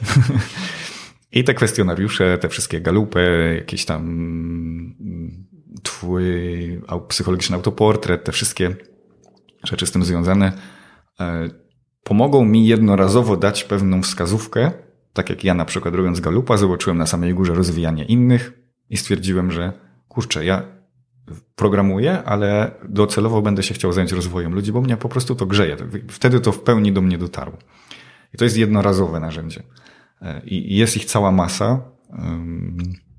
Można zrobić polski test freeze, kwestionariusz e, i Badanie. tego typu narzędzia.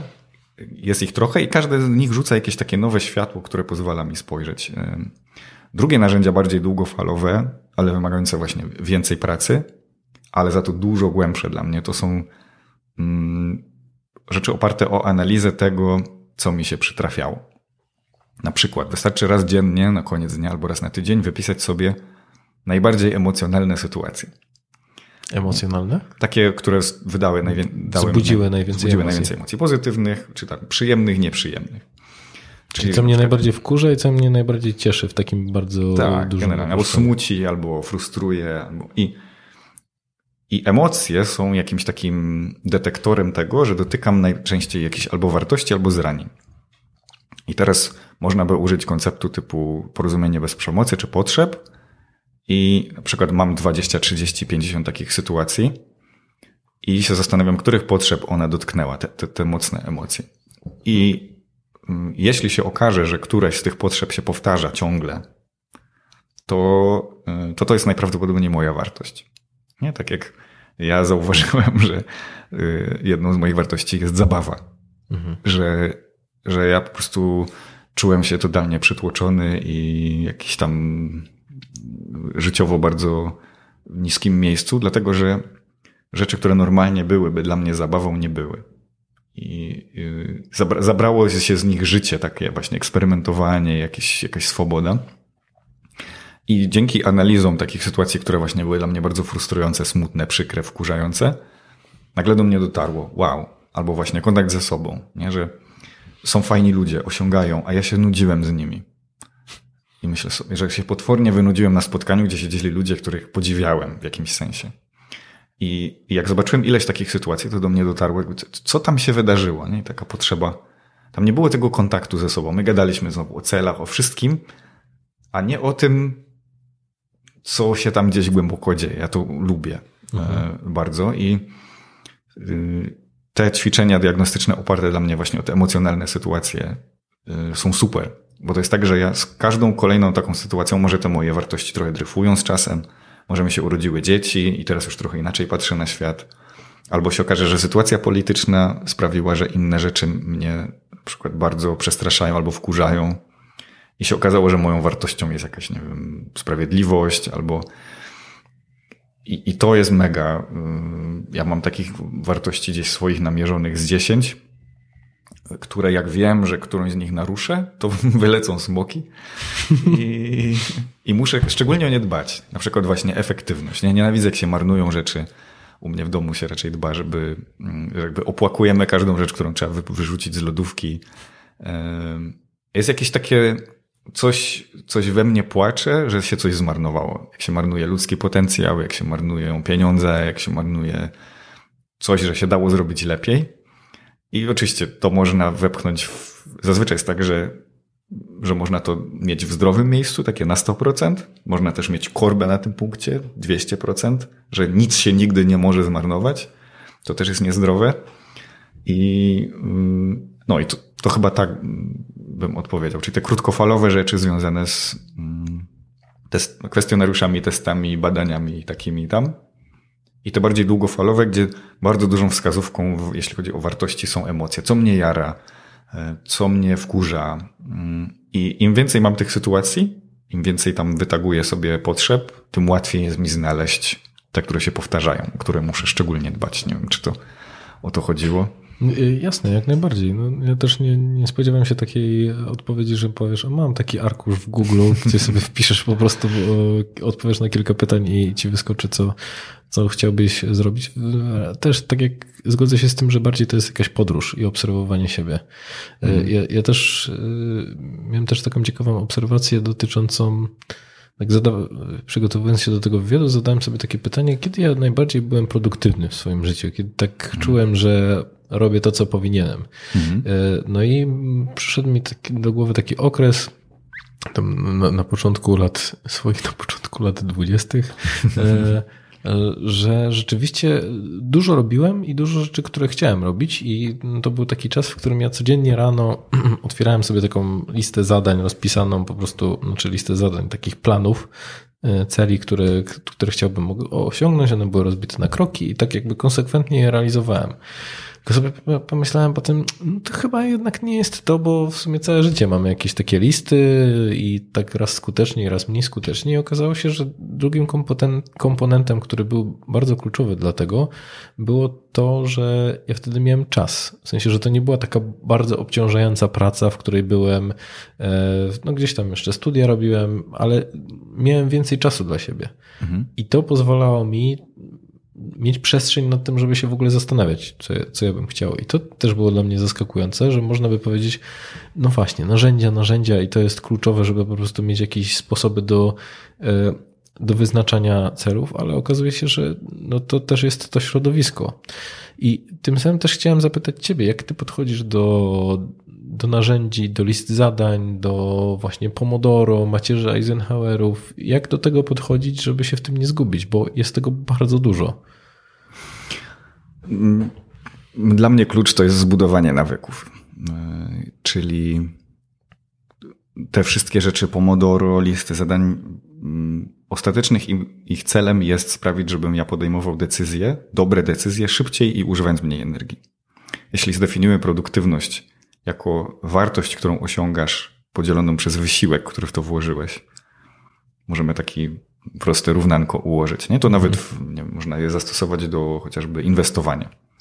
Nie? Ile wysiłku wkładam, czy ile pieniędzy wkładam i ile potem e, efektu z tego jest. Teraz produktywność będzie rosła, jeśli mój wysiłek, on może być energią, może być czasem, wkładany mogę zmniejszyć, a efekt zostaje ten sam, albo wkładam tyle samo wysiłku i nagle efekt rośnie. Nie? To, to, to, to jest nasz taki święty gral. I we wszystkim, czym się zajmuję z produktywnością, nieważne czy to jest ten krok pierwszy, drugi, trzeci czy czwarty, chodzi o to, żeby ten ułamek po prostu zwiększać w jakiś sposób. Albo zmniejszając mianownik, albo kręcąc licznikiem, albo oba naraz najlepiej. I wszystko, co mi może pomóc y, na tej drodze, jest super. Teraz każda kolejna technika produktywności w cudzysłowie wymaga ode mnie wysiłku, czyli ona do tego mianownika dodaje. Czyli sprawia, że ta moja produktywność spada. I teraz kluczem jest sprawić tak, żebym ten wysiłek, on znowu jakby ten licznik podbijał dużo wyżej. Zasada Pareto mi powie, słuchaj, 20% wysiłku daje ci 80% rezultatów. Teraz kluczem jest dowiedzieć się, które 20% daje 80% rezultatów i żyłować te 20%, żeby ta wartość tak się po prostu rozrastała, mhm. a nie próbować naparzać, zrobić wszystkiego. I to jest esencja dla mnie te, te, takiego mm, sposobu myślenia o produktywności. Czyli mam ten ułamek, mam tą zasadę Pareto, że 20% wysiłku da mi 80% efektu i że przez to, jak nasz mózg jest zrobiony, mamy skończoną liczbę dobrych decyzji do podjęcia w ciągu dnia. Czyli one się jakby zużywają. Każda decyzja zużywa trochę tego paliwa, które już mi nie wróci, dopóki się tak naprawdę nie wyśpię. W dużym uproszczeniu. Więc wszystkie te systemy, te wszystkie te techniki dążą ostatecznie do tego, żebym wydawał mniej energii, miał większe efekty i podejmował lepsze decyzje szybciej. No i kluczem do tego dla mnie jest budowanie nawyków, czyli mm, nasz mózg ma fascynującą dla mnie zdolność tego, że potrafi automatyzować rzeczy. Może automatyzować rzeczy takie jak spuszczanie wody w toalecie, kiedy nie stoję i nie zastanawiam się, czy mam dzisiaj ochotę albo nie. Po prostu... To jest ten dzień. Tak. Y, że, że są takie automaty, uh-huh. które robimy i one nam pomagają. I teraz kluczem jest włożenie takich prostych automatów do, do dnia, żeby zapisywanie na listę było odruchem, o którym w ogóle nie myśli, że on był jak spuszczanie wody albo mycie zębów.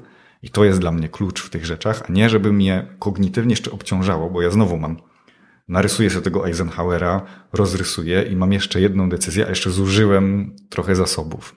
I mm, dla mnie ten, ten klucz to jest przekuwanie tego w takie małe plasterki nawyków i do życia je wciąganie.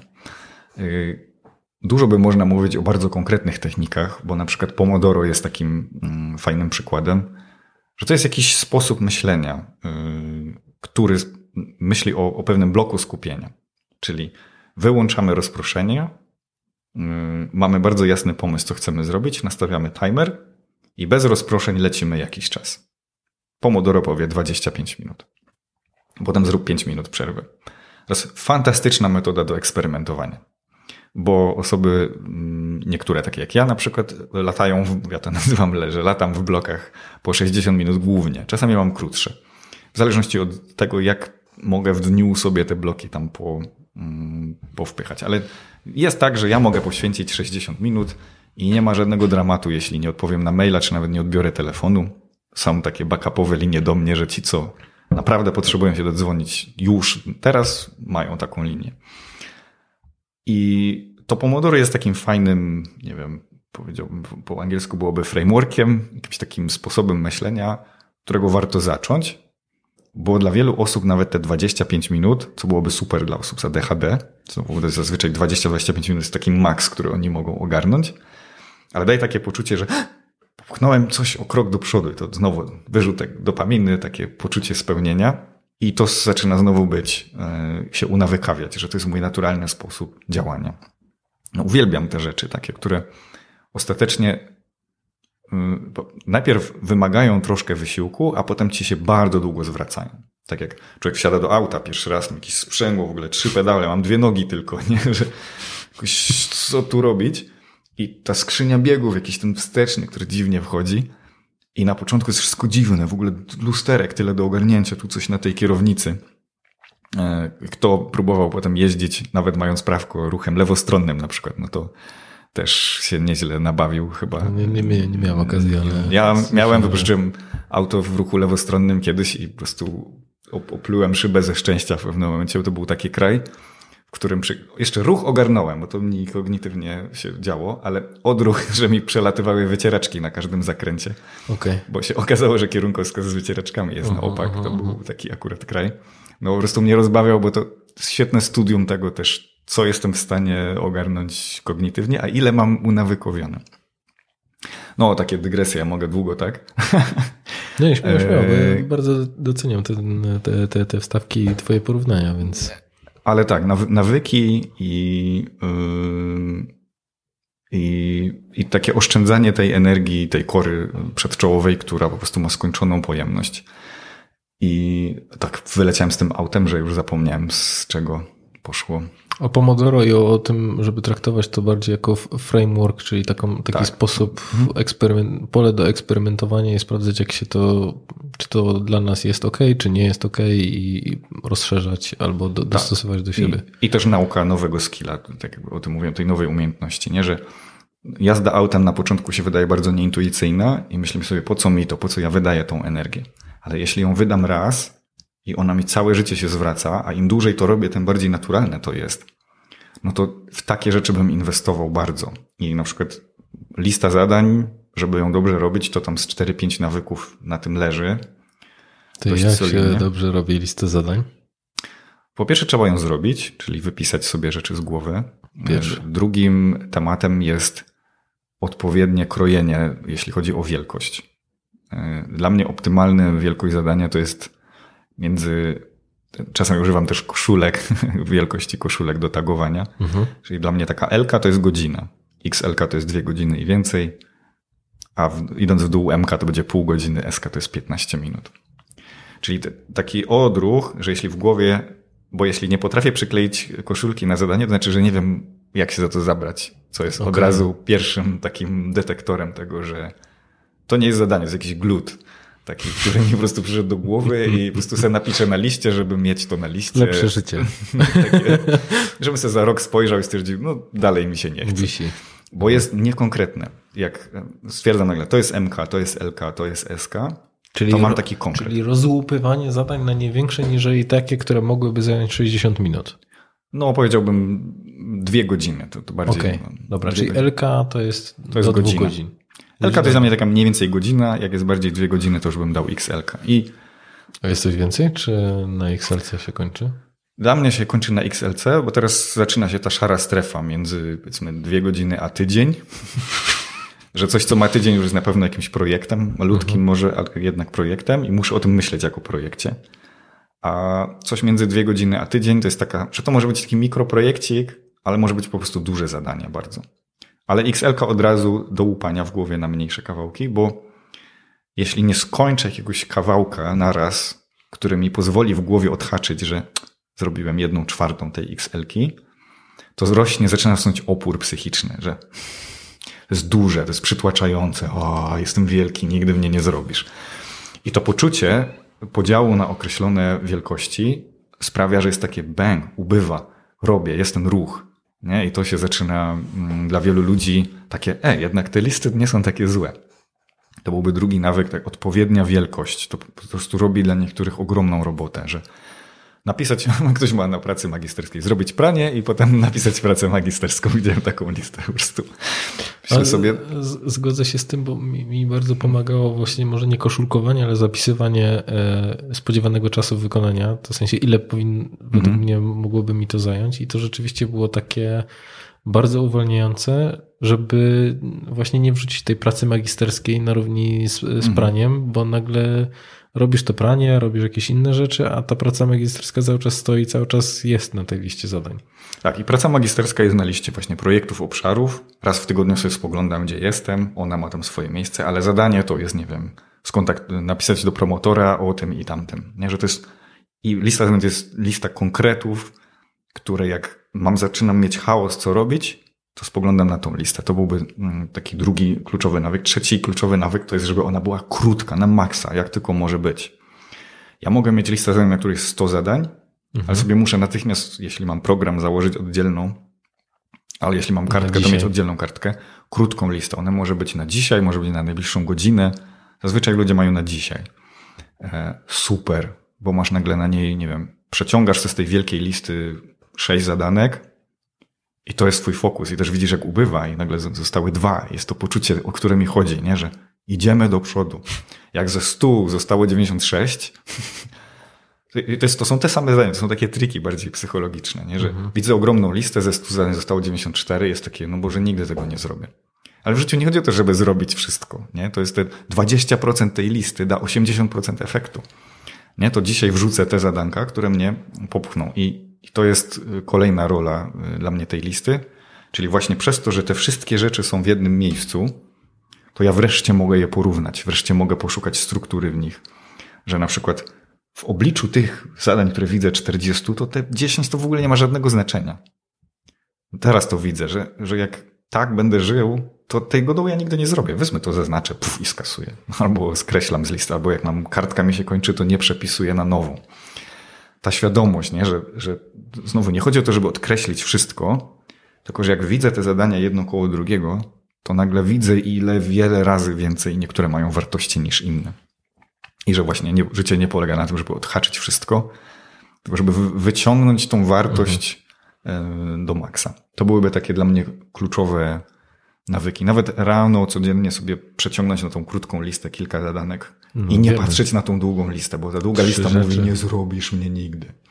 I tam ciągle dopływają rzeczy i ona ma najpierw ma 80, potem 100, a potem i 200 to już to, to jest narzędzie opresji, a nie pomocy. Mhm. Krótka lista, konkretna, małych mm, rzeczy, takich po godzince, dwóch max, która znowu właśnie po co ona jest? Żeby ci pomogła bardzo szybko podjąć decyzję, co teraz. I bęk, mam 45 minut przed wyjściem, coś bym zrobił, no to nawet na Elki i Selki nie patrzę, mam dwie Mki, Eskę, pyknę sobie jeden albo drugie, szybkie decyzje, nie? O to pyknę tam sobie eseczkę.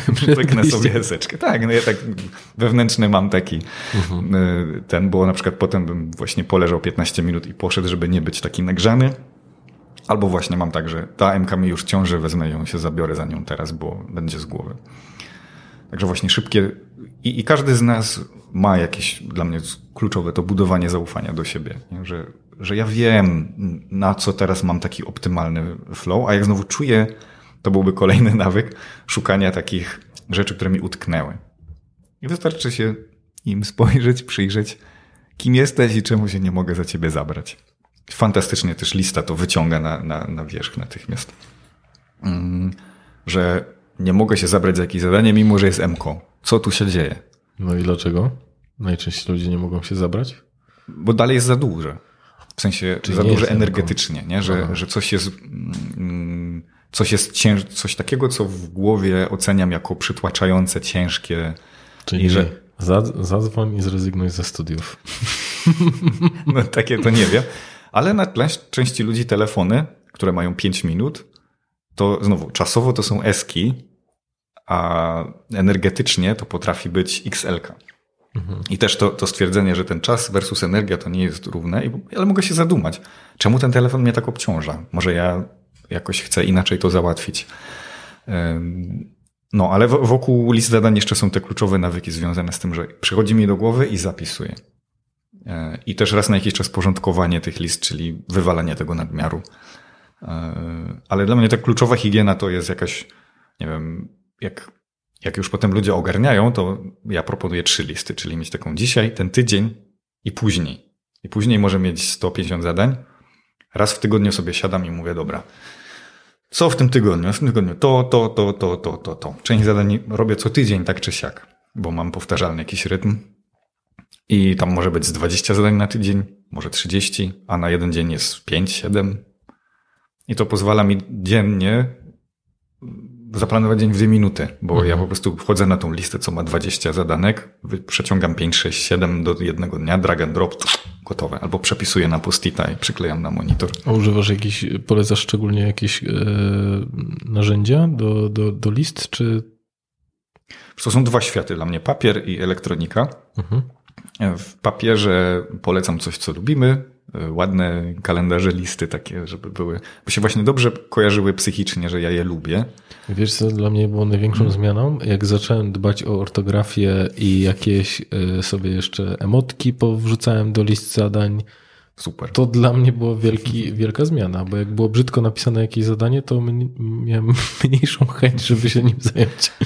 Człowiek, nie? Tak dziwny stwór. No. E, polecam też Bullet Journal, sobie obczaić taki to jest temat. Aplikacja?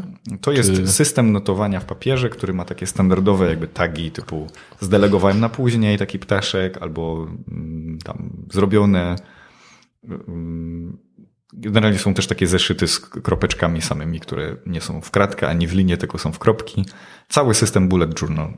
Wystarczy go obejrzeć w 50 minut filmik i się ogarnia o co chodzi. Fajne, bo jest dość standardowy, dobrze przemyślany. Jak chodzi o aplikację, z tego cała masa. E, synchronizuje się telefon z komputerem, z różnymi urządzeniami. To jest fajne, że idę gdzieś, mogę na telefonie pek, pek szybko zrobić, a na komputerze za trzy minuty widzę to zadanie razem z treścią, z nie wiem, numerem telefonu w środku i takimi rzeczami.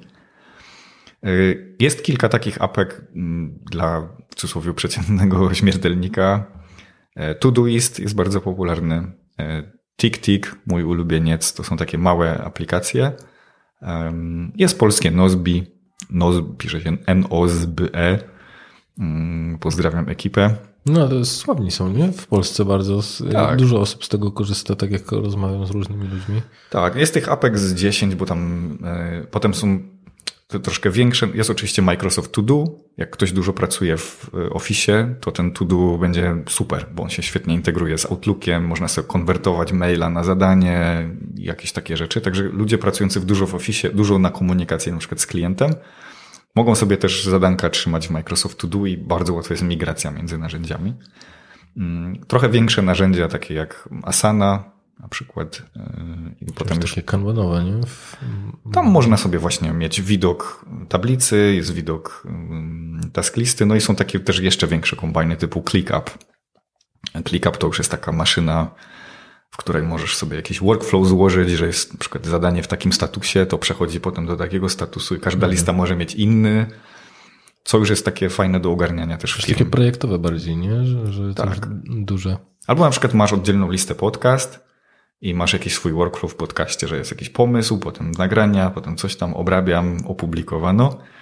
Możesz jakieś pola customowe dołożyć do każdego z nich i to, to ClickUp już jest większym narzędziem, mhm. ale dla takich freaków, którzy lubią tam pokombinować, to, to ClickUp jest fajny. Może, mogę podrzucić potem offline całą listę, bo nie Pewnie, pamiętam. To możemy wkleić po prostu gdzieś w, w, w, w opis odcinka i tak będzie tak. po prostu łatwiej. Ale szukałbym takiej, że Zazwyczaj... No właśnie, czego szukać? Bo mam wrażenie, że wiesz, to tak jakby byłeś w stanie wymienić kilka, czy nawet kilkanaście, ale zastanawiam się, na co zwracać uwagę. Kropka. Najważniejsze uwagę? dla mnie jest to, czy ja tą apkę lubię, czy ona mi się podoba. Będzie, jeśli mam ją otwierać, to ona mi się musi kojarzyć w głowie nie z oporem, tylko z takim o, lubię cię. I zainstalowałbym cztery, trzy, cztery apki, po prostu je otworzył zobaczył, czy lubię interfejs, czy mi się podoba, czy to jest wygodne, czy jak sobie dodam taska, to mi się on podoba, czy tam możemy sobie dodać jakieś priorytety, jakieś flagi, pobawić się każdą trzy minuty i po prostu wybrać tą, która do mnie najbardziej mówi. Tyle. I zazwyczaj potem ewentualna migracja z jednego do drugiego nie jest jakaś super trudna, e, ale też nie chodzi o to, że się przywiązujemy do niej na zawsze. Wpisujemy zdania na dzień, tydzień do przodu, testujemy tydzień, a jednak nie, tam mi nie pasuje, spróbuję kolejną. E, zazwyczaj jak zaczną ludzie z Todoista, TickTicka, Nozbi e, czy coś tam, albo Microsoft To Do, mhm. to zazwyczaj na start super. Chyba, że szukam większego narzędzia, to Asana, ClickUp. Dobra. Kasować zadania, czy zapisywać sobie e, te zrealizowane i mówić sobie, ale fajnie, że zrobiłem? A to się wyklucza? E, spotykam się z takim stwierdzeniem, że zostawiaj sobie, e, zostawiaj sobie to, co zrealizowałeś, żeby też po części, nie wiem, dać sobie taką, przebić wysoką piątkę, zobacz, co zrobiłeś w tym tygodniu, albo żeby w ogóle pompować to, no, no, jakąś taką motywację do, do, do dalszego działania. A dla niektórych samowystarczalne jest to, że wiem, że zrobiłem. No i pytanie, jak mhm. ty do tego podchodzisz? Mm, Uwielbiam przeglądnąć zrobione rzeczy raz na tydzień, z takim poczuciem, że w tym biegu, odhaczaniu kolejnych zadań, nie pamiętamy, co zrobiliśmy. Ludzie, którzy zaczynają przeglądać wykonane zadanka, jeśli zaczną je naprawdę trzymać w narzędziu albo jakiś journaling zaczynają stosować, są zdumieni, bo już nie pamiętają połowy tego, co zrobili. Jest nagle takie, wow, to ten tydzień nie był taki w cudzysłowie kiepski. Więc na pewno to odhaczanie pozwala spojrzeć z większego dystansu i docenić, ile zrobiłem, czy zrobiłam. Super to jest, bardzo to polecam. E, ja lubię trzymać e, zadania takie, bo w narzędziu one znikają, ale są w statusie tam, że są completed i mogę do nich zajrzeć tam, pokaż mi te completed i ja je widzę. Co jest bardzo przydatne, bo ja często do treści zadań sobie wkleję jakiś link, numer telefonu, jakąś notatkę, że na przykład w ramach tego zrobiłem to i to i to, albo ogarnij ubezpieczenie samochodu. To sobie szybko zamykając to zadanie piszę w notatkę, kupiłem za tyle i tyle i, i po prostu mm, pyk. I potem mija rok, dwa, jeśli wytrzymałem w jednym narzędziu i wpisuję w serca ubezpieczenie. I nagle mam pff, ubezpieczenie tego, tego, tego i tego. Klikam i widzę wtedy i wtedy kupiłem za tyle i tyle. Jest mi też łatwiej, nie wiem, negocjować z firmą, mm, bo mówię, słuchajcie, rok temu kosztowało tyle, dwa tyle, a trzy tyle. No to czemu nagle to poszło tyle do góry? I no jestem dużo takim klientem bardziej ogarniętym, bo, bo mam historię prawie zerowym kosztem, bo ja i tak sobie robię notatki w zadaniu, nie wiem, jak rozmawiam z kimś przez telefon, to po prostu zrobię notatkę bezpośrednio w zadaniu, rozmawiając wiem, z konsultantem ubezpieczeniowym. Dlatego y, to, to jest znowu też jakaś forma budowania takiej mikrobazy wiedzy też w, w taskach. Dlatego odhaczałbym, a nie kasował, bo kasuję taski, które po prostu wiem, że nie, nie zrobię, nie chcę ich robić tego mi zaśmiecają w widoku. Zrobione pranie. Mhm. Okej. E, I, też chciałem zapytać o to, czy widzisz coś, o co najczęściej ludzie się e, potykają w kontekście tej pracy nad produktywnością? Bo mam wrażenie, że to jest swego rodzaju taki święty gral, że każdy chciałby robić, robić to wydajnie, e, niskim kosztem takiego wysiłku, czasu włożonego w pewne rzeczy, a jednak ten czas no, prze- przelatuje nam przez palce. I z jednej strony jest takie pragnienie tego, żeby działać, a z drugiej strony nie działamy. Mhm. Jak myślisz, czy może, może nie tyle jak myślisz, tylko jak patrzysz na, na te osoby, z którymi współpracowałeś, to o co my się potykamy w drodze do produktywności? Jest takich kilka y, najczęstszych po- potknięć u ludzi, tak jakbym je miał skategoryzować. O pierwszym mówiliśmy, takie rano podjęcie decyzji, co jest dla mnie najważniejsze dzisiaj. Czyli nie podjęcie tej decyzji. Nie podjęcie. Mhm. I takie, takie potem dezorientacja, kiedy wpadają nowe rzeczy, ym, bo sobie wyobraziłem, część ludzi po prostu myli planowanie z marzeniami. nie, że wymarzam sobie, żeby był taki dzień, że zrobię to, to, to. To nie jest plan. Nie? Plan mówi, to i to jest najważniejsze, bo ma największą wartość. Mniej więcej tyle wysiłku mnie to będzie kosztowało i to jest priorytet na dzisiaj. I potem latają różne wrzutki, a ja mam tą myśl przewodnią, dzięki której mogę bardzo szybko podjąć dobre decyzje. To, o co mówiliśmy, że się liczy. Także to daje bardzo duży y, rezultat od razu u wielu osób. Y, To jest jedno na pewno takie potknięcie. Nie podejmowanie tej decyzji. Nie? Czasami śmieję, że nie wiem, święta, nie? Y, Pytam ludzi, po czym byście poznali udane święta? Takie raz, dwa, trzy. Takie trzy rzeczy, że kończysz święta i mówisz, to były naprawdę udane święta. I ludzie mówią, nie wiem, super atmosfera, taka domowa, wypocząłem, e, wiem, dobre jedzenie na przykład, czy tam zależy jak kto przeżywa święta, może być jakieś coś duchowe wzbogacenie się, coś w tym stylu.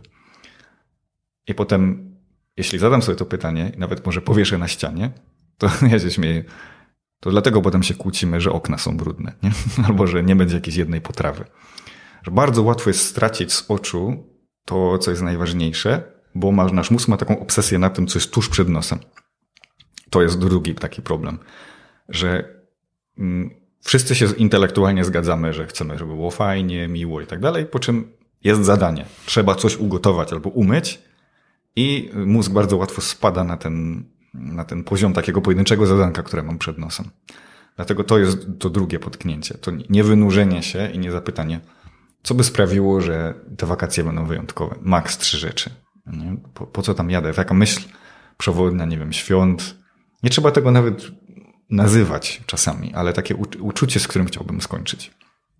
Tego brakuje w szerszej skali i potem mamy, to jak nie wiem co, to po prostu myję te okna i robię i wkurzam się i Odpisuję na maila. tak, odpisuję na mail, bo to mi daje szybki strzał, że coś tam dokończyłem. E, To byłoby, to, to jest takie drugie częste potknięcie. Du, dużo gnojenia. To jest moje takie, mm, że mnie to boli, że porównujemy się do nierealnych wzorców. Jak słyszę, jak ludzie mówią o sobie właśnie, że a ja nie umiem, taki, taki język, jakby coś z nimi było nie w porządku.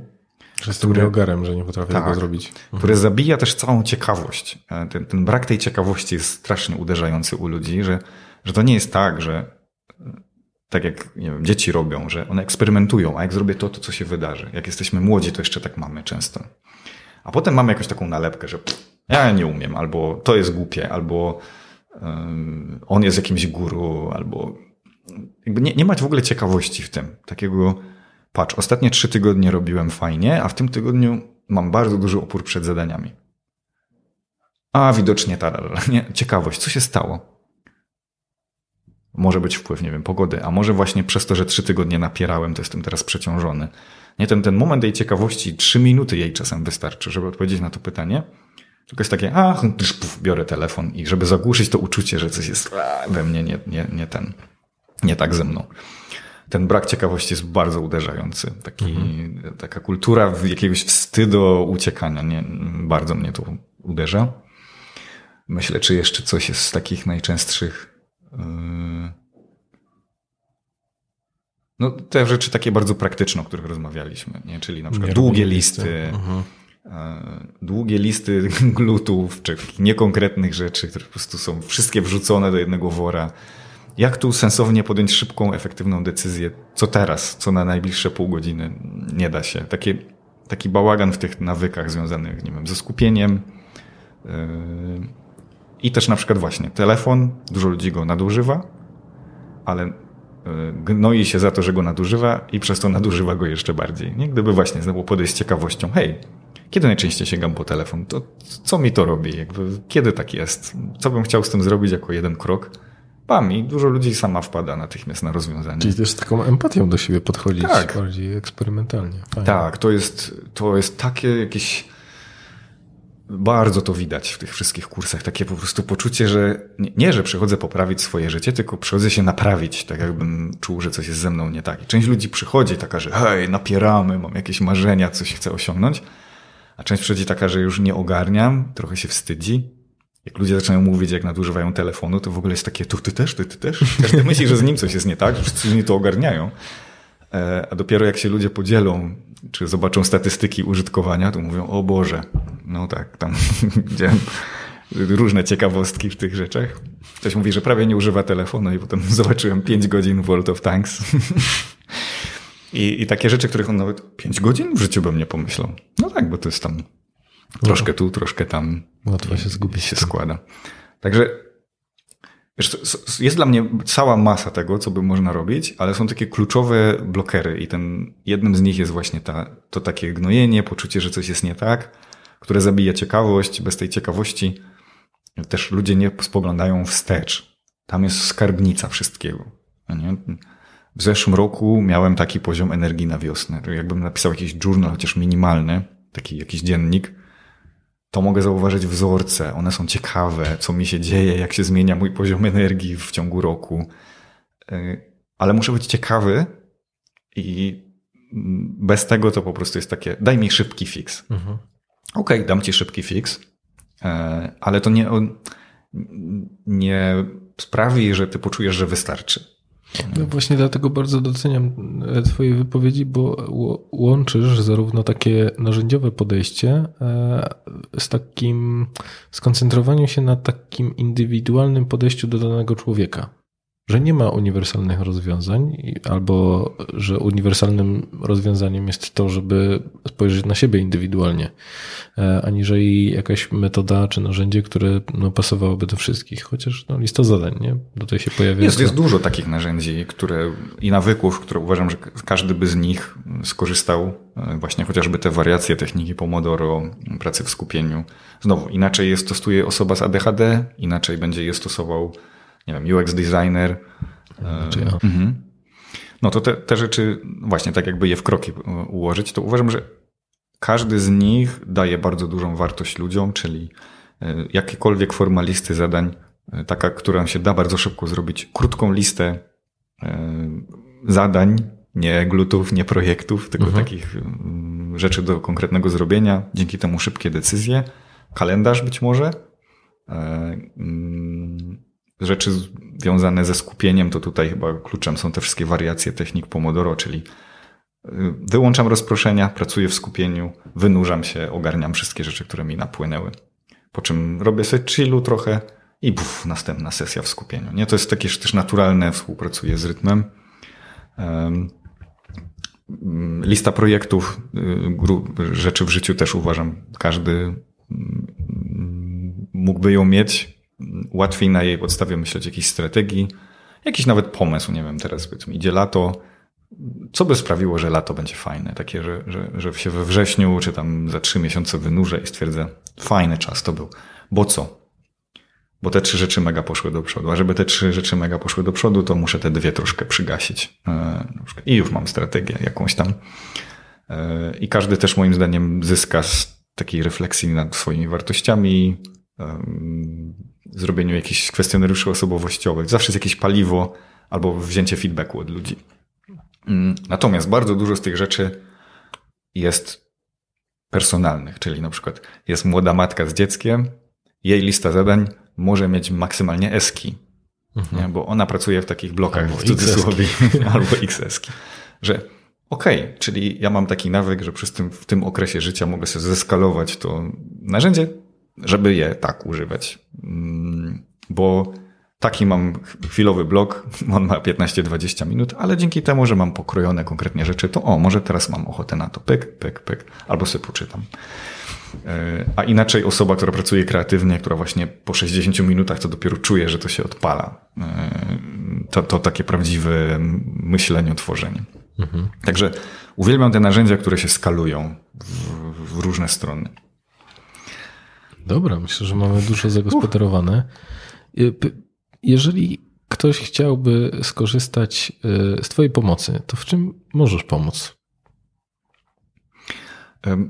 W tej chwili tworzę. I w jaki sposób? E, nie, nie pracuję już niestety praktycznie personalnie. Z grupami pracuję tylko z garsteczką firm, którą współpracowałem w przeszłości i nie biorę nowych rzeczy. Całe teraz prawdopodobnie dwa lata e, poświęcę na stworzenie takich właśnie 10 kursów w ramach tego four step productivity, mhm. tych czterech kroków, żeby jak chcesz ogarnąć temat nie wiem, skupienia czy planowania dnia, tych, tych klocuszków, o których mówiłem, to żebyś mógł zrobić taki godzinny kurs, jak odcinek na Netflixie i się dowiedzieć te 20% w danym temacie, które daje te 80% wyniku. I, I, tu można mnie znaleźć na Four Step Productivity i na razie pierwszy kurs o skupieniu jest gotowy i kolejne się robią i pewnie zabierze to z dwa lata. I to jest jakiś nowy punkt startu dla mnie, bo jak one będą gotowe, no to się zaczyna zupełnie inna rozmowa, bo i tak jest tak, że zawsze musimy wrócić do tych tematów. Mhm. I już nie będę musiał wiele razy o tym mówić, tylko powiedzieć, tu jest taki wiesz, kurs, on jest dość tani, po prostu weź go przejdź i dołącz do społeczności, gdzie już będziemy gadać o konkretach, a nie Żebyś nie musiał za każdym razem tłumaczyć tak, tego samego. Tak, a to jest znowu za, za długie na artykuł, mm, więc postanowiłem to zaprząc w takie kursy i całą resztę na razie zrezygnowałem. Taka strategia, jakby to można teraz powiedzieć. Mhm. Fajnie, no bo, no też y, to, to, też pokazuje sukces twojego kursu na Udemy, pokazuje, że no jednak to się sprawdza, nie? Że, że, że idziesz w konkretne rzeczy i konkretne rozwiązania. Mhm. No i też mamy, ktoś potrzebuje takiego szybkiego, że dobra, ogarniam jeden z tych tematów. Każdy gdzieś czuje od razu, gdzie potrzebuje przyłożyć najwięcej jakiegoś ciężaru. Nawet nie problem, tylko też taka, gdzie, gdzie czuję jakiś opór, ciężar, bam, mam nagle narzędzie, jak się za to zabrać mhm. w godzinkę, tak jak odcinek i, i dobra, wiem jak ruszyć, mogę do tego wrócić, to nie jest długie jak książka, która ma kilka godzin. Mm, dzięki temu mam też przykłady, widzę od razu zrzuty z aplikacji, no, dla mnie ukochana forma takiego uczenia. Okej, okay, super. No to trzymam kciuki za projekt. I co, dzięki wielkie za, za rozmowę, za to, że wpadłeś. Dzięki za zaproszenie. Dzięki. Dzięki. Słuchasz podcastu charyzmatyczny. Zasubskrybuj, daj kciuk w górę lub skomentuj.